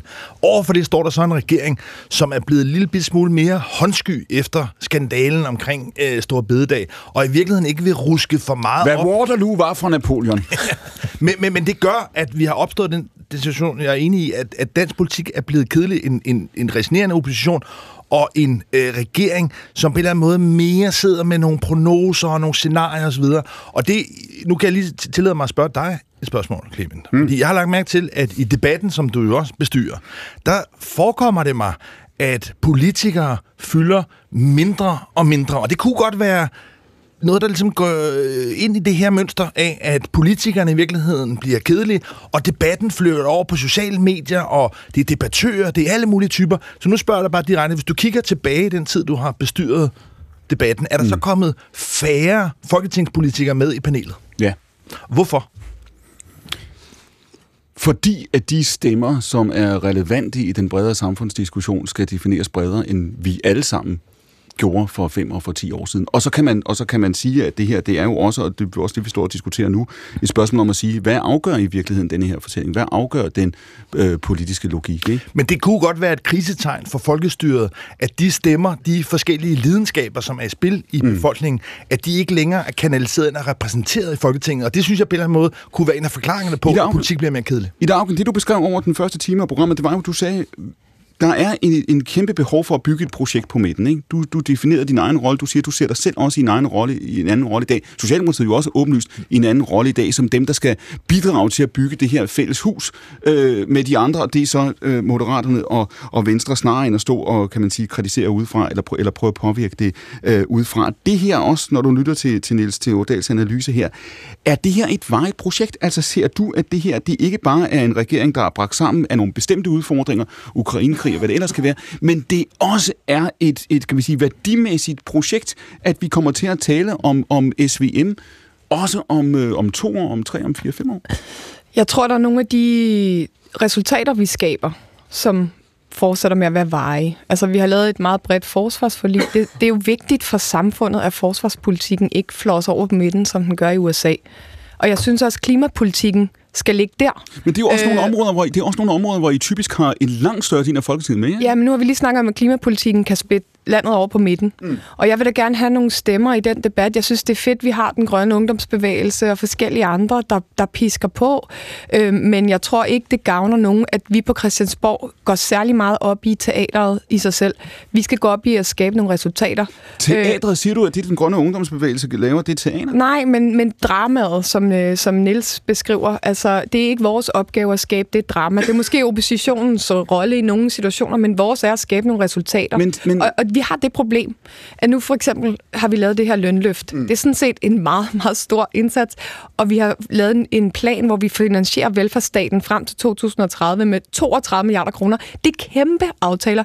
De kan fylde i pressen i 10 minutter. Mm. Og så kommer der noget nyt breaking, for eksempel at Socialdemokratiet holder grøn fredagsbar. Så går det gud hjælp med i breaking. Så alt det, vi laver, fordi vi er enige, så falder det til jorden, og folk opdager ikke engang, at vi er ved at redde vores velfærdssamfund, vi er ved at omstille vores øh, økonomi, og vi er ved at få styr på forsvarspolitikken selv, så det ikke er amerikanerne, vi skal være afhængige af. Det må man jo sige, at vil være klogt i de her tider. Knut? Men, men en, både en rød eller en blå regering, øh, eller en af de tidligere regeringer, kunne have lavet samme brede aftaler. Uh, min udfordring med, med den nuværende regering er, at man punkterer fuldstændig oppositionen til højre og til venstre. Uh, jeg prøvede selv som, som konservativ ordfører på indfødsretsområdet at kunne presse i den sidste regering både, både Mette Frederiksen og, og Venstre uh, til at stramme op i forhold til kriminalitet og, og statsborgerskab. Men, og det, det, det kan man ikke Men for, nu at citere, for nu at citere Alex Vandopslag, ja. Knut, som jo er jeres, jeres sidste bedste håb i den blå blok, ikke? I kan godt selv, altså det kan vel ikke være regeringens ansvar, at, at, at, at oppositionen punkterer for nu at bruge dit eget udtryk? Nej, men det er bare svært at, at, at lægge pres på en regering, når den har et absolut flertal, øh, og det er det, der er min pointe, hvor, hvor selv små partier kunne få rigtig meget igennem i den sidste regeringsperiode, hvor det var Mette Frederiksen alene. Men hvad gør I så, Knud? Jamen, det er det, der er udfordringen. Det er det, der er så svært. Øh, og du kan også tage generationsskatten, som, hvor vi kunne presse Venstre. I dag har de lavet en, en, en aftale med Socialdemokratiet, og så er den lagt død.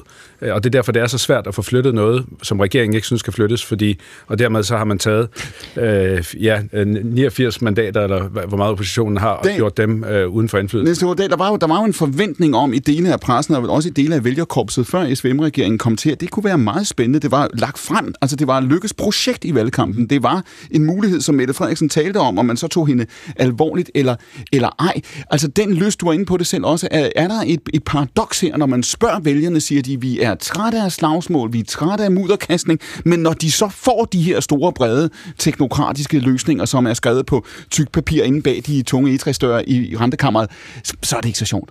Ja, men det er der da, øh, og vi kunne se det på målingerne, altså inden folketingsvalget. Hvis du spurgte folk, vil de gerne have en bred regering ind over midten, så sagde, øh, nu kan jeg ikke huske tallet, men altså en, en ret stor del af vælgerne sagde, det kunne vi rigtig godt, øh, det kunne vi rigtig godt tænke os. Ja. Og så fik vi den sørme, og det første, der skete, det var, at der skete et historisk dyk i opbakningen til, til, til de tre regeringspartier.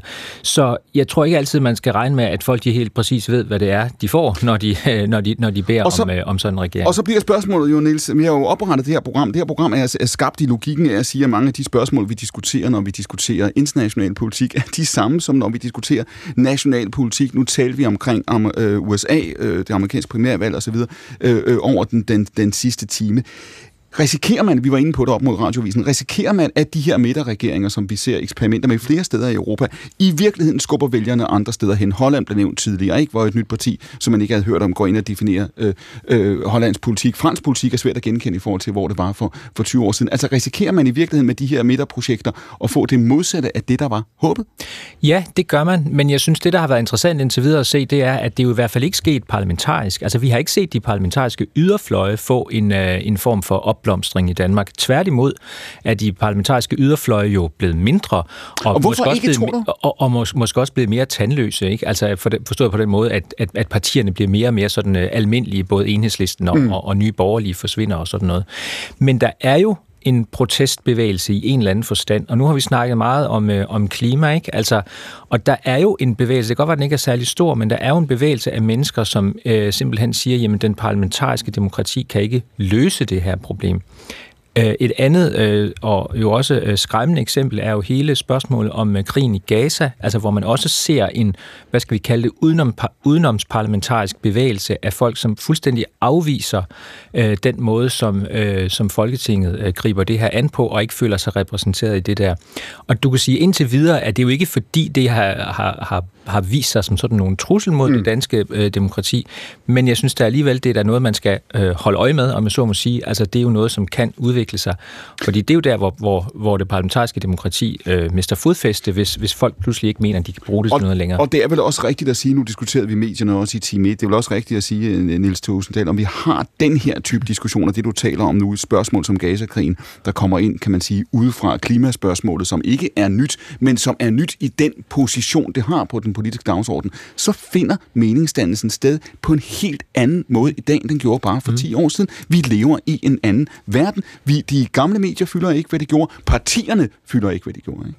Ja, og, øh, og, og, og du kan sige, at de, vi som øh, er repræsentanter for de, for de, de gamle medier, hvis man kan kalde, kalde det det, vi er jo selvfølgelig også i høj grad bundet op på en, en logik, der handler om, at uh, politik det foregår i Folketinget. Man kan sige, at meningsdannelsen, der finder sted på blandt andet sociale medier, problemet er, at den ikke interesserer sig for politik. Den danner meninger om alt muligt andet, tøj og makeup og hvordan du skal se ud, og hvordan du skal det ene og det andet. Så jeg synes, vores største demokratiske problem, det er, at vi har en helt ung generation, som der ingen taler politik med. Jeg tog ud på en skole øh, i, i torsdags i forbindelse med skolevalget og talte med to 8. klasser, og de sad alle sammen med fingrene op i vejret. De var totalt klar, de ville tale politik, og jeg kunne bare se, det er der ingen andre, der gør, fordi de får tudet ørerne fulde af Sillemus, der har været øh, bygget sit hus om for tredje gang, og for syvende gang har været øh, ude at rejse med øh, sin Louis Vuitton-taske. Det synes jeg er det helt store demokratiske problem. At vi har en lidt tam opposition, det er jo ikke vores opgave. Vi skal skabe resultater, og vi skal skabe stabilitet, og det er i hvert fald det, vi gør, og det er også det, jeg håber, vi vinder et valg på næste gang. Det siger Ida Augen. Vi er jo altså godt i gang med anden time af denne søndags, søndagsavis på P1. Den hedder Akkurat. Og nu skal vi slå en sløjfe eller to om en del af de temaer, som vi har nævnt. For ganske apropos primærvalget i USA, og ganske apropos EP-valget også, så har Dagbladet Børsen jo altså i den forgangne uge meddelt, at det ikke længere skal være en borgerlig avis. Det skal derimod være et neutralt medie. Det meddelte bladets chefredaktør Bjørn Korten, han er jo altså tidligere socialdemokratisk finansminister. I 2018, der skiftede han til det job og til det hjørnekontor, han har på avisen nu, og i fredags i forårsmatte, der sagde han sådan her i P1 Morgen. Hvis du kigger på det amerikanske demokrati, så er det jo ikke længere en faktabaseret øh, demokratisk diskussion øh, om, hvad der er rigtigt og forkert, om hvad der er klogt og hvad der er mindre klogt. Der har alle ret til deres egen virkelighed, og man har ret til en, en medievirkelighed, som, øh, som grundlæggende befinder sig i, øh, i den lejr, øh, man nu øh, slår sig ned i. Man ser de samme tendenser i, i andre demokratier. Det, kig på det britiske øh, demokrati, kig på det franske demokrati, kig på det tyske demokrati. Øh, man ser det jo ikke i overhovedet den grad i, i Danmark. Vi skal bare diskutere det, før det er for sent. For jeg tror, hvis man for 20 år siden havde spurgt øh, amerikanske medier, hvor tror I selv, I er på vej hen, så ville ingen af dem jo have stået ved, øh, at, at de var på vej det sted hen, hvor de så er i dag. Mig...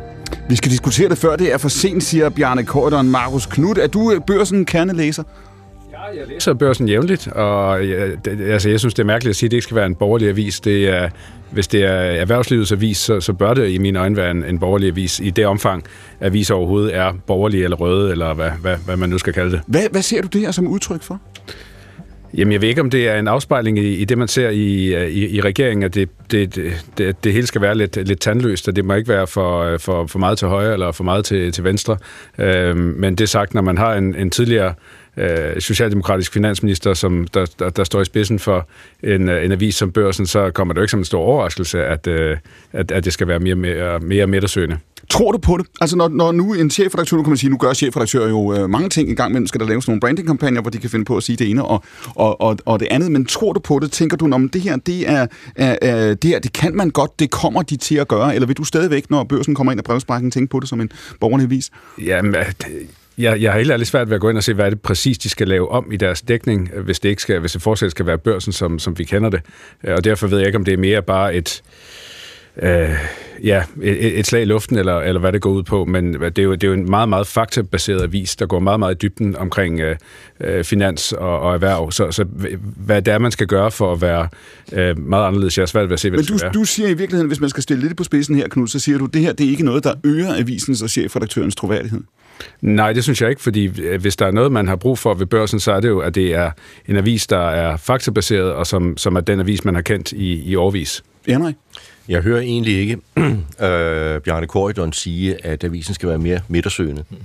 Øh, jeg hører ham egentlig sige, øh, det kan være, at jeg hører forkert, at, øh, at øh, den skal øh, lægge dogmatikken fra sig, øh, og måske se mere fordomsfrit på, øh, på de ting, som er oppe i debatten. Det er klart, man kan ikke nulstille sin egen grundholdning. Det vil også være meget forkert. Så er man heller ikke i stand til at formulere holdninger i virkeligheden. Så vil det hele bare flagre. Men hvis, hvis, øh, hvis, øh, hvis oplægget er, at det er dogmatikken, der skal nedtones, hmm. øh, og der skal ses, om man så må sige, med lidt åbne øjne øh, på de ting, øh, der kommer op, så, så synes jeg, det kan være Men... et ret spændende fænomen at følge. Og det, jeg hører mange øh, være kritiske over for medierne på, det er netop dogmatikken forudsigeligheden, mm. det at træde af de vante stiger, også rent øh, holdningsmæssigt. Ikke, at man skal lægge holdningerne væk, men øh, at, at der kan komme lidt mere variation øh, ind i det samlede billede. Du har selv siddet, Michael, øh, øh, for nogle år tilbage på Berlingske, du har selv siddet på Christi Dagblad. Når man ser på det over tid og over årtier, så, så er det jo sådan, at stort set alle danske dagblade skruer op og ned, kan du sige, for deres ideologiske farve. Altså der er årtier, hvor, hvor aviserne, dem vi kender, øh, stempler mere eller mindre tydeligt ind, kan du sige, på en måde, hvor de er til at aflæse, og så er der sådan en anden position, som de, de godt kan lide at ligge i, hvor, øh, som er der, hvor de siger, vi er faktabaseret, vi er jagttagende, vi er neutrale, vi kan i hvert fald skille nyhedsjournalister journalistikken, fra, fra opinionsjournalistikken. Altså, det som Corridon gør her, det er, at han udfordrer, det ved han også godt, det er også sådan, han selv i talsætter det. Han siger, vi kan se en tendens til, at de her ting bliver i højere grad øh, øh, sammenblandet, og nu vil vi gerne prøve at knække den logik. Og det går han ud og siger på et tidspunkt, hvor mange vil sige, at vinden de sidste 20 år har blæst i den omvendte retning, altså at aviserne ved nogen mene har, har kan man sige, øh, skruet op for deres ideologiske orientering, fordi så var de til at genkende, og så var underholdningsværdien måske også større. Jeg er helt enig i analysen. Hvis vi ser på øh, det lange øh, lys bagud, mm. øh, så er politikken blevet mere politikensk. Mm. Berlingske er blevet mere berlingskes. Øh, og sådan kan vi se øh, rundt omkring. Og det er jo ud fra en idé om, at man øh, får fasthold og måske endda drømme om at udvide sin øh, læserskare, så øh, skriver man klarere ind til ens eget øh, univers. Øh, der er mange grunde til, at medierne øh, har det dårligt i disse år. Men man kan sige, den strategi er jo ikke rigtig øh, lykkedes. Nej, lad os lige høre. Den, øh, Bjarne Korydon går op imod, og derfor synes jeg, det er øh, en... Øh, en, øh, en modig øh, og også en ny strategi. Fordi hvis du tager den helt mm. ud i, øh, i enden, så prøver Corridon måske at skabe sig sin egen niche i et mediebillede, som er meget fragmenteret. Lad os lige prøve at høre bare et kort svar her, både fra Lars Trier Mogensen og fra, fra Niels T.H. Dahl, på den her. Hvad skal aviserne stille op nu? Altså, de, altså nu startede vi med, at vi åbnede Team 1 i virkeligheden, Lars Trier, på, at du har afskrevet den danske mediebranche, ikke? Mm-hmm. Kort jo. Hvad skal, hvis, du, hvis du skulle sidde nu i et af de her chefredaktørkontorer, hvad vil du så gøre på den store termostat? Vil du skulle i retning af det ideologiske, eller væk fra det ideologiske? Punkt 1 folk, der taler om, at de ligesom kun tjener almenvældet, mm. de nar folk. Altså, folk har altid nogle interesser, og det her, det er en helt. Hvorfor ser du på mig, når du helt, siger det? Det er en helt fin reklamekampagne. Men der er ikke nogen, der ligesom hæver sig op over samfundets tumult og interessekonflikter. Bortset fra dig. Nej, tak. tak. men, men, men, men det, er, det er ligesom en, en, en, en helt oplagt øh, reklamekampagne for børsen, og, og, og nu er de også kommet med her i akkurat, så, så fint med det. Men jeg tror, at grundproblemet her er altså en aldring. Det er, at de folk, der betaler, der vil betale for en avis, at de er uddøende. Og derfor er der jo ikke noget vej udenom at finde nogle sprækker ind til at få yngre mennesker, og når jeg taler yngre mennesker, så taler jeg faktisk om folk under 50 år. Ja. Øh, det er jo meget bekvemt, når jeg selv også er, er 48. Men, men, men problemet er, at det er meget få mennesker under 50 år, som i dag betaler for at få det, kvalitetsjournalistik. Det er jo et godt man... svar, Lars, men det er bare ikke et svar på spørgsmålet. Hvis du sidder i chefredaktør, kun, altså vil du skrue op på ideologitermostaten eller ned på ideologitermostaten? Jeg tror, man er nødt til at skrue op for øh, underholdningsfaktoren. Øh, jævnfør den virkelighed, vi har talt om tidligere. Men, men den ret afgørende nuance, at folk lader sig underholde af noget forskelligt. Mm. Og, og derfor tror jeg ikke, det, jeg tror egentlig, at, at Erik har meget vigtig pointe i den her forudsigelighed, at man føler lidt, at man kommer ind, og så er det de gamle, samme øh, gennemtykkede argumenter, man får i nogle nye versioner. Så det er klart, at der skal være en større øh, uforudsigelighed, men man kommer ikke udenom, at det bliver nødt til at være mere fængende, det bliver nødt til at være noget, der appellerer øh, mere til nogle lidenskaber. Niels, du, du sad i sin tid øh, på, på pressechef-siden af det her. Du sad og lavede pres på, på Christiansborg og var en del af det, og så i dag sidder så du som kommentator på, på JP. Samme spørgsmål, som jeg stiller til Lars. Hvis du sad i hjørnekontoret, nu ved jeg godt, der er en, der sidder der nu, men, men, øh, men øh, endelig, kan man sige. Men hvis du sad i hjørnekontoret, vil du skrue op eller ned på ideologitermostaten? Altså, jeg tror, det er over min lønramme at forholde mig til, hvad, hvad min chefredaktør skal gøre, men jeg vil sige det på den måde, at inden, uh, jeg Bjarne, spurgt dig før. inden, inden, inden Bjarne Korydon og andre ligesom uh, uh, får sagt, at, uh, at alle medier er, er sovset ind i alt mulig ideologi, så kan jeg jo bare sige, at det kan godt være, at uh, Jyllandsposten er en uh, sådan erklæret uh, liberal borgerlig avis, men det er uh, på ingen som helst måde noget, der uh, får lov til at diktere journalistikken, og vi har jo også et slogan, der hedder, hvis du vil vide mere, så uh, jeg, jeg kan sige, fra hjørnekontoret udgår der kraftige dessing om, at det, det skal, det, det skal være, det skal netop være øh, faktabaseret. Augen? Jeg tror, at mediernes største problem, nu har vi diskuteret forretningsmodeller og reklamepenge i rigtig mange år, hvem skal betale, men det er lige ved ikke at være det største problem, det er, hvem skal læse. Fordi øh, selv hvis vi betalte en masse public service, så er det ikke sikkert, at vi kunne få unge mennesker til at gå ind til de medier. Og det synes jeg er må være hovedspørgsmålet, fordi jeg sådan, tror sådan set, der er penge nok. Jeg selv, min, øh, nu har vi reklameret meget for børsen, jeg kan sige, min absolute yndlingsavis er Weekendavisen, og det er blandt andet fordi, at det overrasker mig tit. Og der kommer holdninger fra begge sider, øh, og man kan endda på lederplads læse to stik modsatrettede holdninger på en dag, hvorimod der er andre aviser... Fra, fra den samme skribent? Ja, det kan man faktisk også. Det tror jeg, han indrømmer. men, men så jeg synes, at, at det er det, der er det store spørgsmål. Hvordan kan vi komme til at tale med nogen, der har et helt andet medieforbrug, og, øh, og det skal der selvfølgelig også skabes noget forretning af, hvis man sidder i, i chefkontorene. Men hvordan ser du, fordi det, det spørgsmål, vi står og diskuterer her, det er jo i virkeligheden også det, som de amerikanske medier har konfronteret i 20 år. Du har den samme debat i et, i et land som England, meget åbenlyst også i Augen. Når du ser på det her, fordi i mange af de her chefredaktørkontorer, mange af de redaktionsmøder, man har rundt omkring, der sidder man og har denne her diskussion. Skal vi være øh, aktivistiske? Skal vi være til at få øje på? Skal vi, eller skal vi på en eller anden måde holde fast i, i, øh, i neutraliteten? Hvad tænker du om det? Fordi når man ser på USA, så er der godt nok mange medier nu, hvor de føler, at de er blevet til en form for politiske aktører, og at, at afskyen eller skepsisen over for det politiske system rammer dem. Ja, men der ser jeg lige follow the money, for hvis du ser, hvad der virkelig har ødelagt det amerikanske mediebillede og det engelske, så er det jo ejerskabet. Så er det jo nogle milliardærer, der sidder og ejer Fox News eller The Sun eller nogle af de aviser og kører Trump-style i, i dækningen. Det, er ikke, det handler ikke om ideologi. Jeg kan godt lide, at folk har andre holdninger, men som jeg tror, det var Keynes sagde engang, you, sir, are entitled to your own opinion, not your own facts. Mm. Så jeg synes sådan set, det er helt i orden af holdninger og ideologi, og jeg har, ved jo godt, hvad for nogle briller, der er skrevet med, når jeg læser Berlingske eller information, men, men jeg kan ikke acceptere, hvis de fakta, jeg får, ikke er rigtige. Og lige nu får børn og unge bare ingen fakta. De får men, ingenting. Men, de får kun uh, vingummi i, i USA, hvis du for eksempel tager Fox News, så i hvert fald set med amerikanske øjne, er det et, et, øh, et, et, et, et ægte højreorienteret medie.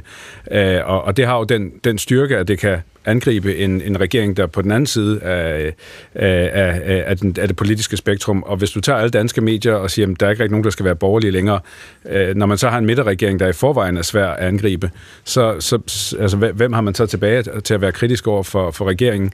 Jeg føler nærmere, der øh, jo, du har Berlingske, som er, er, er semi-borgerlige, men de viser sig også fra nogle meget ikke-borgerlige sider nogle gange, mens du har, du har information, du har politikken, som i høj grad er Savner du, du siger i virkeligheden, altså når han bruger øh, korridoren her, ordet foxificering, altså med reference mm-hmm. til Fox News, han bruger det jo som et skældsord tydeligvis og som en risiko. Sådan ser du ikke nødvendigvis på det? Nej, fordi vi har jo vi, vi har brug for nogen til at kunne gå op mod, mod regeringen, øh, og, og hvis en, en så erhvervsvenlig avis som, som Børsen øh, bevæger sig væk fra, og, og, og jeg vil ikke sige være kritisk over for regeringen, det håber jeg, de fortsætter med at være, men hvis, hvis de gør sig mere tandløse over for regeringen, det, det så synes jeg ikke er et sundhedstegn. Men Fox News skabte stort set Donald Trump. Og nu har vi så skabt et monster, der er så ude af kontrol, at han sætter sig selv over loven.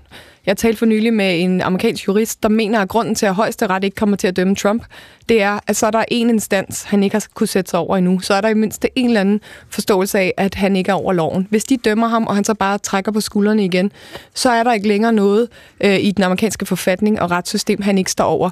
Og det må man bare sige, tillykke øh, til Fox News, for det var dem, der men, skabte Men, men er, det, er det rigtigt i der når du siger sætningen, at, at Fox News skabte Donald Trump? Altså, du, som du selv sagde for en halv time siden, øh, og Ehrenreich var inde på det også, der har, du har haft kæmpe vælgergrupper i USA, der har følt, at de ikke er blevet hørt. Du har haft kæmpe vælgergrupper, der har følt, at politik er gået hen over hovedet for, øh, på dem.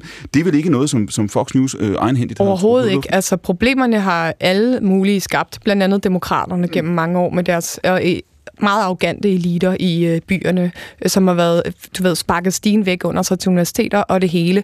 Men at give en mand sådan en platform og ikke sige ham imod, når han siger usandheder, og være have det ene morgenshow efter det andet, eller talkshow, hvor man bare ringer ham direkte op hver dag og siger, hvad har du en ny løgn, du gerne vil fyre i dag? Plus, så giver man en mand frit spil, han der, ikke skal der, have. Der mener jeg ikke, du kan sammenligne det med dansk politik, men hvis du har aviser som, eller som, som information og politikken, øh, der er så grundlæggende venstreorienteret i deres, deres lederdækning og videre, og man så ser de borgerlige aviser stille og roligt blive mindre og mindre borgerlige, eller slet ikke være borgerlige længere, som, som Bjarne Korydon siger, at, at børsen ikke skal være, så, så, så er der en, en, en balance, der ikke længere eksisterer. Det, det er det, jeg synes, der er et problem. Ja, nu bliver Fox News fremstillet undskyld, som et hadobjekt, og det er der alt, alt mulig grund til at bakke op om. øh, men Fox News er jo ikke alene på den her scene, og ikke øh, øh, den, den, den eneste ansvarlige. På den anden fløj, ude på venstrefløjen i amerikansk politik, har man også sin egen øh, tv-kanal, MSNBC, og det er nøjagtigt det samme. Øh, det er de samme metoder, man betjener sig af. Det er den samme propaganda, som bliver øh, lagt frem, øh, og det er de samme øh, uforskammeligheder, som, øh, som øh, ryger hen over øh, skærmen. Det, jeg synes, som øh, at traditionelle medier, det spørgsmål, de må stille sig selv, det er, hvorfor øh, flygter folk til den slags medier her? Mm. Mm. jeg gik på journalisthøjskolen, der, talte man, der kaldte man det her for returinformation. Mm. Altså give folk oplysninger, som taler ind i deres mm. egen virkelighed, og så sortere resten væk. Og det er jo i virkeligheden bare det, øh, der sker. Men hvorfor flygter folk fra de traditionelle medier i øh, anførselstegn og går derud, hvor de får det rigtig godt i maven, øh, når de hører og ser noget, øh, men ikke får øh, modargumenterne. Det synes jeg må være det afgørende spørgsmål. Sidste spørgsmål, øh, fordi vi bliver lidt på temaet, men, men jeg regner bare lige en sløjfe på den her. Kan man ikke sige, at vi står over for nu en øh, usikkerhed og en uforudsigelighed. Det synes jeg har været det tilbagevendende, kan man sige, tema også i den her programrække, siden vi lancerede udsendelsen i, øh, i januar sidste år. Det her, det hører vi politikere sige, vi hører eksperter sige, vi hører øh, journalister og pressefolk sige det, vi hører det fra venstrefløjen, vi hører det fra højrefløjen. Der, vi, der er ikke nogen, jeg hører ikke nogen sige, at det vi er i nu ikke er uforudsigeligt, og det ikke har en øh, kompleksitet, vi ikke har, har set før. Den tøven, Altså, når, når Nils øh, starter den her time med at sige, at der mangler, kan du sige, slagsmål øh, på Christiansborg, den tøven, den, den tvivl, der er en grundlæggende tvivl, også i chefredaktørkontorerne nu over, hvordan søren skal vi stille os an? Hvordan definerer vi også pressens rolle i det, der kan, kan være, øh, for nu at citere Nikki Haley, kæres? Jamen altså, øh, Omnibusavisen er død. Den, jeg er vokset op med, den findes ikke mere. Men hvad bliver det nye svar øh, på, på det her. Hvad bliver, øh, hvad bliver den, det traditionelle mediebilledes svar på øh, de sociale medier? Jamen, det blev jo at springe med på bølgen mm. og gøre sig i et vis omfang afhængig af, øh, af de sociale mediers øh, kommunikationskanaler. Så jeg synes, der er, der, der er brug for en meget grundlæggende strategisession mm. øh, i, øh, i mediebilledet og en idéudvikling på, hvordan du når frem til en mediemodel, der er økonomisk bæredygtig, og som også kan ramle igennem de her øh, stærke og måske, ideologiske og måske skal man involvere de unge i den diskussion. Altså måske skal man faktisk spørge nogle af dem, hvordan får vi kontakt med jer? Hvordan kan vi formidle politik så en måde? Altså jeg synes faktisk nogle af DR's, nu reklamerer vi for alle, DR's Reels faktisk gør det ret godt i at få fortalt nogle stories. Jeg kan se Financial Times gør noget af det samme. Hvordan kan vi hjælpe ad med at, at få dem med ind i rummet? Det siger Ida Augen. Hun sidder i panelet sammen med Michael Ehrenreich. I hørte ham før, Lars Trier Mogensen og Markus Knudt. Niels T.H. Dahl er stadigvæk med ved bordet. Og nu skal vi introducere dagens sidste gæst. Hun hedder Stine Bjerre Hertel, og hun skriver som følger. Det er nemt at forfalde til den kollektive sang om, at AI, altså kunstig intelligens, gør mennesker overflødige. Gør man det, forfalder man også til ansvarsfralæggelse. Stine, lad os åbne den der, for nu skal vi tale AI, kunstig intelligens, som vi har gjort en del over de sidste 12 måneder, og som vi kommer til at gøre, øh, kan man roligt sige, meget lang tid endnu. Hvad er det for en ansvarsfralæggelse, som du frygter her? Min linjetur her øh, afsted i dag, så havde jeg en, en snak med min søn, øh, som er 18 år, og som jo er det, vi kalder for digitalt indfødt. Og Altså han, apropos det med at involvere de unge. Du gør det, som Ida Augen prædiker, ikke? Jo, Ja. Jamen, jeg diskuterer mange af de her ting med min søn egentlig, fordi jeg synes, det er interessant at høre de unges perspektiv. Altså, hvad er det for nogle spørgsmål, de stiller til kunstig intelligens, versus hvad er det, vi andre stiller til kunstig intelligens. Men øhm, han sagde faktisk noget, jeg synes var ret kvikt, for, også fordi det sådan er en af mine egne kæpheste. Han talte meget om det, som vi kalder for wow-faktoren. Øh, det, at vi lige nu bliver enormt imponeret over det, den kan. Mm. Øh, så for det første bliver vi enormt, så enormt, enormt imponeret, at vi øh, glemmer at stille os kritiske over for, øh, hvad det er, maskinen giver os. Øh, og så glemmer vi også lidt sådan, at, øh, at vi faktisk også selv øh, er intelligente. Øh, og det synes jeg er vores vigtigste rolle lige nu, øh, at vi tænker over, at flere og flere beslutninger, som har indflydelse både på menneskers liv og deres karriere og på samfundets udvikling, det bliver i stigende grad taget på baggrund af data, algoritmer, automatisering. Og så meget apropos det, vi måske lige har stået og snakket om, eller I har stået og snakket om, det er, at øh, altså, vi møder allerede nu, og især i de kommende år, vil vi jo simpelthen få en malstrøm af AI-genereret indhold. Noget vil være sandt, noget vil være falsk, og det vil i den grad også være af svingende kvalitet. Så jeg synes, den vigtigste opgave lige nu for os som mennesker, det er, at vi sørger for i en vis fart at få noget teknologiforståelse, og sørge for, at den teknologiforståelse bliver distribueret ud i samfundet og, og ud i virksomhederne. Øh, ja. Og som jeg sagde før, du er ledelsesredaktør på, på mandag morgen. Du har siddet og fulgt det her, og nu er der jo mange mennesker, for hvem kunstig intelligens er blevet rigtig tydeligt, kan du sige, mm. over de sidste halvandet år, på grund af, af, af ChatGPT. Men du, du siger også, at den her wow-faktor, indimellem bliver vi måske lidt for imponeret, lidt for hurtigt. Ja, det synes jeg.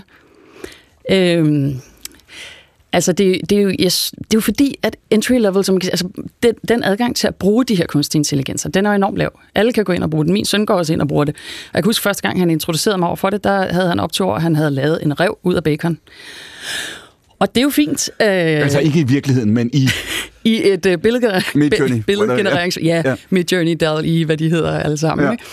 Og det er jo super. Det er sjovt. Men så går man i gang i virksomhederne med at producere indhold øh, ved hjælp af generativ AI. Og så... Øh, og det har vi også selv forfaldet. Vi, vi har jo kastet os ud i på mandag morgen og bruge øh, Midjourney, som er det her grafikværktøj, Ja. til at generere vores forsider for eksempel. Og vi forfaldt også til øh, i starten egentlig at blive meget imponeret over bare det faktum, at du kan sige noget til en maskine, du kan skrive noget til en maskine, og så kommer der faktisk et okay fedt billede ud i den anden ende. Og så er det, man bare lige skal huske, hvad er det for et kvalitetsniveau, man har og altid har haft. Mm. Og så hold fast i det, inden man bliver for imponeret af sådan, gud, den har lavet en rev, rev ud af bacon. Øhm, så ja, Hvad, tænk, hvad tænker du, Lars Trier Mogensen, hvis vi lige skal starte også på, på, på, på mediebranchen her? Nu starter du øh, til, til øh, hele udsendelsen med at sige, altså mediebranchen er på vej ned. Altså nærmer vi os det punkt, øh, om ikke så forfærdeligt længe, hvor store dele af de her gennemsnitlige produkter, øh, det er nogen, som maskinerne kommer til at lave, og faktisk har de jo, kan man sige, i årvis øh, bidraget, bare på lidt mere usynlig vis. Ikke? Ja, det er klart den udvikling, vi ser. Altså også de etablerede medier har jo øh, skruet over til at få en masse små, hurtige, flygtige historier, og mange af dem, ja, de kan erstattes af maskiner, der kan lave dem øh, både bedre, mere øh, fængende, og i hvert fald øh, meget billigere. Så det er klart, at den udvikling, det forsøg, som de etablerede medier har lavet, Michael Ehrenreich var lidt inde på, at man ligesom havde kastet sig ud i algoritmerne, i sådan, altså bare kastet sin øh, historie, sin mm. indhold ud til grams. Der tror jeg, at man bliver øh, et af det, fordi at lige pludselig viser det sig, at det kan laves øh, meget billigere, hurtigere af nogle helt nye spillere. Hatte, der er jo noget her omkring ansvar. Du diskuterer også ledernes ansvar her, fordi, mm. fordi man kan sige, det er jo i virkeligheden et kæmpe øh, øh, spørgsmål her. Vi er måske vant til at tænke på teknologi som noget, der er altså, relativt neutralt. Vi trykker på en knap, og så får vi et bestemt resultat tilbage. Men vi taler her om så, så komplekse processer, at vi kan ikke altid helt vide, hvem, hvem har ansvaret for hvad. Når du trykker på knappen, når du giver computeren en opgave, er det, der kommer tilbage, så computerens ansvar, eller er det dit? Det er altid dit. Og det er jo derfor, vi er nødt til at sætte os ind i, altså det er derfor, vi er nødt til at have den her teknologiforståelse. Vi er nødt til, øh, jeg har snakket med en øh, filosof, der hedder Pia Lauritsen, som sagde noget, jeg synes er utrolig klogt. Vi er nødt til at forstå, for eksempel, hvad er det for et menneskesyn, vi interagerer med i de her forskellige øh, maskiner, vi lukker ind. Øh, hvor kommer den her data fra? Hvad er det, den, altså det her resultat, den genererer? Hvad er det på baggrund af hvilke opfattelser? Hvad er den fodret med? Hvilke bias har den? Så øh, vi kan ikke bare umiddelbart tro, at det, der kommer ud af maskinen, er rigtigt, og derfor øh, er det også vores ansvar altid at sikre, at det er rigtigt. Og især som medier har vi jo en kæmpe forpligtelse til ikke bare at løbe med det, der kommer ud og tænke, at maskinen har nok ret. Og det er jo det, jeg i den grad frygter også, den der form for teknologideterminisme, at skærmen siger, maskinen siger, data siger, så må det nok være mm. rigtigt. Der har vi jo et kæmpe ansvar for at udfordre det. Henrik, du var inde på det for få minutter siden, der talte du om, om udviklingen overordnet. Du siger, at man er nødt til i virkeligheden at, at, at, at besinde sig, for nu at bruge et meget klassisk udtryk. Ja, der er et element af besindelse, vi måske mangler, også, også i mediebranchen. Vi har haft noget, der minder om 25 år til at forstå det net. Vi tænker stadigvæk på det, tror jeg mange af os, som noget, der er lidt nyt. Ikke? Det, det er besynderligt, men sådan har vi det egentlig stadigvæk. med, altså 25 år, det er sgu ret lang tid, og nu står vi så over for en, en ny teknologi, som forekommer mange at være komplet uoverskuelig. Ikke? Ja, 25 år er et kvart århundrede. Ja. Men ingen havde forestillet det, sig... Det ved jeg godt, Michael, men tak. ingen havde forestillet sig, at det ville vare så længe, og at, det ville, at problemerne ville blive så øh, store. Nej. Men øh, jeg er selvfølgelig helt enig i, at man skal gå til kunstig intelligens med meget stor varsomhed. Man skal være forsigtig med at fastholde ansvaret og, og, og, og så videre. Men der ligger også meget store muligheder for de trængte medier, ikke mindst. Hvis man ser på, hvor meget der i en traditionel avis er, undskyld udtrykket, robrødsarbejde, mm øh, alle noterne for eksempel, øh, så er det da en gylden mulighed, at vi nu får nogle øh, maskiner til at lave alt det kedelige arbejde, så det skal vi ikke bruge ressourcer på. Sådan at man kan koncentrere sig om det, der virkelig rykker det egentlig stærke publicistiske, det prisvindende, det der flytter noget, også politisk og også øh, mediemæssigt. Så frem for, at vi bliver meget kede af den her udvikling i mediebranchen, så øh, forekommer det mig, at der ligger store muligheder i den. For Ja, det er faktisk ni år siden, der lavede jeg som ingeniørforening noget, der hed Siri-kommissionen, hvor vi for ni år siden begyndte at diskutere kunstig intelligens. Og der gik vi ned og kiggede på sundhedsområdet, vi kiggede på transport, vi kiggede på medier og demokrati. Øh, og i virkeligheden tror jeg, det vi kom frem til alle steder, det var en dobbelt tilgang. Altså på en måde omfavne og tæmme, tror jeg, vi sagde med meget af den her teknologi, at vi prøver at sige, at vi har nogle værdier. Øh, retssystemet gælder stadigvæk. Vi vil gerne have, at øh, folk øh, kan stole på den viden, de får. Vi vil gerne have, at folk øh, lærer at tænke selv, så de kan forholde sig til de her ting. Så nogle gange skal vi også lade, som Stine siger, passe på den der wow-faktor, ikke for os til at lægge hjernen helt væk og tro, det hele er helt nyt. Det er det altså ikke. Og jeg er ikke sådan, når jeg ser de her store sprogmodeller, øh, som ChatGPT eller nogle af de andre, så øh, de kommer ikke bag på mig, de fungerer sådan her, for det var jo fuldstændig det, der var på vej. Det er måske kommet et år før, øh, men det er jo Sam Altman, der bare presser på, og så har de andre måtte følge efter. Så hvis man har fulgt den her diskussion i mange mm. år, så skal vi, burde man heller ikke sidde her og være helt bag om dansen, og heldigvis har AI-forordningen fra EU jo også været i gang i en årrække, fordi man vidste, det her var på vej. Der er det også vigtigt for mig at sige, at det er jo faktisk, jeg er på ingen måde teknologiskeptiker. Tværtimod, jeg er egentlig ret stor øh, optimist. Og, og som du også siger, der, der, der er jo der er rigtig mange muligheder i det her. Jeg tror, det, der bekymrer mig, det er, at når vi laver undersøgelser på området, Tænketanken mandag morgen har i forbindelse med det, der hedder ADD-projektet, øh, Algoritmer, Data og Demokrati, har lavet nogle forskellige undersøgelser rundt omkring i virksomhederne, så er det, at vi kan se, at ledere ikke rigtig forholder sig til det. der er faktisk rigtig mange, der endnu ikke har sat sig ind i lovgivningen omkring dataindsamling og de her algoritmer, som faktisk bruges til at vurdere medarbejdere. Øhm, og der er heller ikke nogen, der rigtig sådan er, der er mange, der ikke er gået i gang med at lægge en strategi for det også. Så jeg tror bare egentlig, at min, min bedste opfordring er det her med, at jeg tror virkelig, vi skal til at være nysgerrige ret hurtigt til at interessere os for det. Ja, det, det, det er den opfordring, der kommer. Man kan jo sige, øh, Stine Hall, hvis man, hvis man ser på den udvikling, vi har været igennem de sidste 25 år, nu nævnte øh, i dag til det programmet, det med TikTok, altså masser af os, og det gælder jo politikere og journalister, men det gælder jo virkelig os alle sammen i samfundet, oplever jo, at teknologien er ikke længere noget, vi kan vælge fra. Vi er der, vi skal være der. Hvis ikke vi er der, så er vi ikke en del af det. Kommer det samme til at gøre sig gældende her?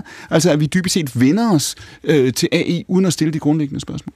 Ja, vi kommer jo til at se, og det sker allerede nu, vi kommer jo til at se AI komme ind i stort set alt, hvad vi bruger. Der er mange, der sammenligner det med elektricitet. Altså, det bliver en lige så stor del af, af, af vores hverdag, som elektricitet er det. Og der er jo også mange i de her undersøgelser af, hvordan virksomheder bruger kunstig intelligens, hvor så er der 50 procent, der siger, øh, at de bruger kunstig intelligens til mindst én funktion i, virkeligheden, eller i virksomheden. Men jeg tror faktisk bare, at det tal er meget større, fordi det, man ikke måske er opmærksom på, det er, at kunstig intelligens kommer ind alle mulige steder fra, mm. nedefra. Det kommer ind i de systemer, som allerede er i virksomheden. Mm. Alt fra Photoshop til Microsoft Outlook til dit Business Intelligence-system bruger jo algoritmer. Så nej, vi kan ikke undgå det, og derfor er vi også nødt til at prøve at lære os at lige navigere i det. Det siger Stine Bjerg Hall, som er ledelsesredaktør på mandag morgen. Det er direkte frem til klokken 14 fra Nyhedshuset i Danmarks Radio. P1 Søndagsvis. Den hedder Akkurat. Og så vender vi os mod den globale scene. For fredag der besluttede FN-domstolen ICJ, at man vil lade sagen mod Israel fortsætte. Det var en nyhed, der i den grad gav eko verden rundt, og konsekvenserne af den udmelding kommer vi til at diskutere i de kommende døgn og i de kommende uger fra premierminister Netanyahu, der lød responsen sådan her. Israel's commitment to international law is unwavering. Equally unwavering is our sacred commitment to continue to defend our country and defend our people. Like every country, Israel has an inherent right to defend itself. The vile attempt to deny Israel this fundamental right is blatant discrimination against the Jewish state. Det vil være diskrimination mod den jødiske stat, siger altså Netanyahu, hvis Israel ikke skulle have lov til at forsvare sig selv. Og det må landet jo altså forløbig gerne ifølge FN's dom. Men processen fortsætter. FN har opfordret Israel til at sikre, at de israelske tropper optræder i overensstemmelse med den række af anbefalinger, der blev udstukket fredag, og har også understreget, at man ikke længere må opfordre til folkemord. Sydafrikas præsident Cyril Ramaphosa, som jo i en vis forstand har været, i gang, været med til at sætte den her proces i gang, han havde også noget at sige. Det lød sådan her. We stand on the side of justice. 30 years ago, following our first democratic elections, President Nelson Mandela declared, Let there be justice for all. Let there be peace for all. Never and never again shall it be that acts of genocide are perpetrated with impunity as we, the international community, look on. Markus Knud, jeg tror, at udenrigsministeren var ude og sige, at det her det er også et signal til øh, Israel om, hvad der skal, skal ske i konflikten. Nu siger jeg, at det her det kommer vi til at diskutere i de kommende døgn og i de kommende uger. Hvad tænker du? Jamen, det interessante er, hvis, hvis du går ind og læser uh, israelske medier, så så man det her som en, en, en, uh, en, en lille sejr i det, at uh, øh, domstolen jo ikke gik ind og sagde, at Israel skulle ophøre med kamphandlingerne mod mm. Hamas. Hvor hvis du læser andre medier, så det, at sagen nu går videre og kommer til at trække langdrag, og det er en sejr over Israel. Så det er jo, det er jo lidt en, en, en mellemting. Øh, men, men fra Israels side, så øh, altså, jeg, jeg ser det her som en overlevelseskamp for, for, for, for Israel, at hvis, hvis de ikke kan få øh, ryddet op i, i Hamas' uh, terrorrede, som jo gennemsyrer hele, hele Gaza en gang og for alle, så kommer det her til at fortsætte i, i, i en uendelighed. En overlevelseskamp, siger du, men, men mange vil jo sige, at det er en overlevelseskamp for begge sider.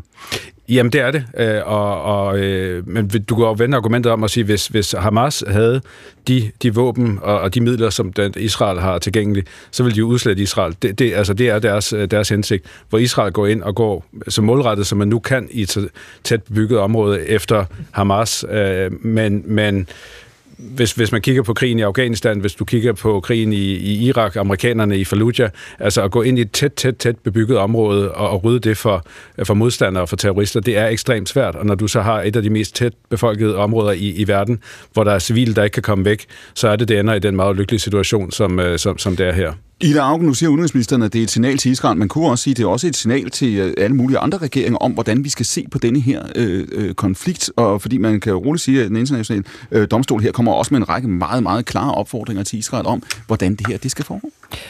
Jeg tror, i den her konflikt, som jo altid er i fare for os at sprede sig til, til Danmark og til Europa, og jo nemt kan blive noget, der splitter hele verdenssamfundet, så bliver vi nødt til at kunne have to ting inde i vores hoveder. Vi bliver nødt til både at kunne have inde i hovedet, at Israel har været udsat for et af de største terrorangreb, mest brutale, vi har set i nyere tid. Og de selvfølgelig har ret til at forsvare sig. Og til det hører også, at jøder i Danmark og Europa er den befolkningsgruppe, der er mest truet og ikke kan være i fred på grund af deres ophav. Vi, vi går ikke øh, ser iranere, der er truet, fordi der er en iransk regering, der er sindssyg.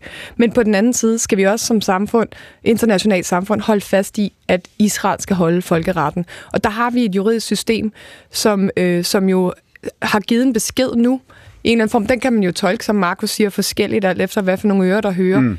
Øh, men jeg må også sige, personligt har jeg det sådan med den her konflikt, at jeg føler, at der er så mange, der ikke, øh, og mig selv inklusiv, øh, faktisk forstår alle de historiske konnotationer, forstår hele det kæmpe globale spil, der er bagved med Iran og Saudi, at hver gang man går ind og kloger sig på det her, så er man i ret stor fare for at tage fejl. Og det, som de to klip her, klippet med Ramaphosa og klippet med Netanyahu, viser, det er jo også for begge af de to nationer, der er jo mange flere nationer med i, i spillet, som du også er inde på, der handler det også om deres egen identitet, deres egen historie og deres egne normer. Du var jo inde på det i virkeligheden, Niels, tidligere i den her time, da du starter med at sige, vi ser nu også i Danmark, også i den danske offentlighed, diskussioner, der kører. Jeg skal hilse og sige, at denne her Gaza-konflikt fylder på Instagram. Altså hvis du slår op på Instagram, så er det stadigvæk top of mind. Det er det godt nok ikke i de store danske øh, dagsordenssættende medier. Hvad fortæller det os? Jamen, at der jo er øh, to forskellige virkeligheder øh, derude, fordi øh, en ting er, det, øh, det måske heller ikke er top of mind øh, i, øh, i medierne, men det er det jo altså heller ikke på Christiansborg. Altså, øh, i virkeligheden, øh, jeg, jeg synes, jeg fornemmer, at der jo sådan set er en ret bred enighed på Christiansborg om øh, det, som du også siger, Ida, altså at øh, jamen, Israel skal have lov til at forsvare sig, men øh, de skal selvfølgelig gøre det inden for folkeretten, og nu må vi, nu må vi så se, hvordan det, hvordan det går. Og når, der, når, når den danske regering for eksempel flytter sig øh, på, på nogle punkter, så er det jo i høj grad på grund af det pres, der kommer nedefra. For eksempel fordi Mette Frederiksen simpelthen ikke kan lægge et billede af en kattekilling op på Instagram, uden at det vælter ind med kommentarer om, at mm. hun er folkemorder og børnemorder, og hvad ved jeg, øh, og det der er værre, der står, øh, der står gør det, gør det indtryk på, nu burde kommentatorrollen, det er jo også det, du er, gør det indtryk mm. på politikerne? Nu har vi diskuteret ja. i dagen, ja. Ja, det gør det da. Øh, det, jeg, jeg, det, jeg tror, menneskeligt kan det ikke undgå at, at gøre indtryk at man pludselig får så, får så meget uh, smidt i hovedet. Men det gør jo også det, hvad skal man sige, helt praktiske problem, at det kan være svært at komme ud med noget som helst andet. Altså, vi har talt meget om sociale medier i dag. Det er jo en vigtig kommunikationskanal for, for politikere, særligt for Mette Frederiksen. Og hvis man så får sådan en kanal fuldstændig kabret af én sag og én gruppe, som kun har et budskab i den sag, så, så ødelægger det jo ens øh, strategi til kommunikation. En række af det, vi øh, er vidner til her, er det i virkeligheden, at, at emner som det politiske system eller Christiansborg-logikken ikke har så forfærdeligt meget at sige om, eller i virkeligheden gerne vil lægge døde hen, øh, flytter sig alligevel. Det rykker, det rykker den offentlige meningsdannelse, det rykker demokratiet, og det kan godt være, at man kan, kan man sige, være ligeglad eller forsøge at lade tingene dø i stillhed over en dag eller en uge, men, men det er øh, i virkeligheden altså samfundet, der rykker sig. Jeg tror øh, i virkeligheden, det er udtryk for, at øh, man måske i, øh, i regeringen og i Folketinget generelt har undervurderet øh, den øh, grundlæggende sympati for den palæstinensiske sag. øh, jeg taler ikke om Hamas her, men det palæstinensiske folks historiske øh, øh, problem, det har man nok øh, undervurderet og har justeret sine øh, politiske meldinger efter det. Og det Lars Løkke Rasmussen siger om, øh, om domstolsafgørelsen, Øh, det er jo en selvfølgelighed. Øh, men det er et udtryk for, at, øh, at, at retningen er, er justeret. Nu skal vi ikke tale Amerika mm. igen, men øh, i, øh, i, i det hvide hus øh, og i det demokratiske parti er man blevet chokeret over, mm. øh, hvordan øh, ikke mindst øh, partiets egne tilhængere har øh, reageret. En meget, meget standhaftig stillingtagen til fordel for Israel har vagt voldsom kritik og skabt meget store problemer for, så du siger øh, også, for præsident Biden. Så du siger, uanset hvor diskret det er formuleret også fra den danske regerings side, så foregår der også en justering af den danske kurs? Det er der helt klart fra et udgangspunkt, hvor man havde alt fokus på øh, Israel. Det er måske også meget naturligt øh, i kølvandet på det meget, meget voldsomme og uhyggelige øh, terrorangreb, så har man øh, justeret sådan, at der nu også er fokus på, øh, på palæstinenser. Alright, der er stort set alle har hånden op. Bare kort kommentar, Knut.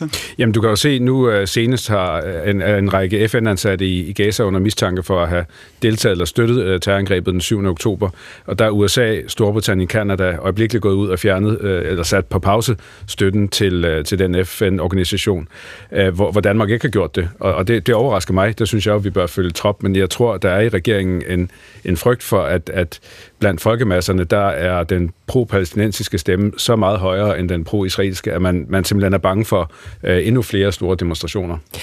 Det jeg også prøvede at sige, det kommer måske ikke så tydeligt frem, men jeg tror ikke, det er klogt for en dansk regering at tage stilling ensidigt i sådan en sag. Og derfor kan man jo godt både fordømme et stort terrorangreb, og så kigge på 25.000 mennesker nu døde i Gaza siger, under de mest voldsomme Du siger i dag, det ikke er klogt for en dansk regering at tage entydig stilling. Det vil sige, det var, var det ikke klogt af Danmark at melde ud, hvad der vel for de fleste mennesker blev opfattet entydigt til fordel for Israel? Ja, men selvfølgelig skal man melde ud entydigt til fordel for et land, der har været ramt af et kæmpestort terrorangreb. Og så udspiller tingene sig. Man kunne jo ikke vide, hvordan Israel ville respondere. De havde en ret, også folkeretligt, til at svare på sådan et angreb. Så at, at vise sin sympati, når det sker, er da siger... naturligt. Men i takt med, at Israel går så voldsomt til værk, som de gør, så synes jeg da, det er på sin plads også at vise en stor sympati for Gaza. Vi sender nødhjælp derned. Vi prøver at hjælpe de mennesker, der, de civile ofre, der er for øh, Hamas' Så du siger, du siger, at vi har lagt kursen om, og det var det rigtige at gøre?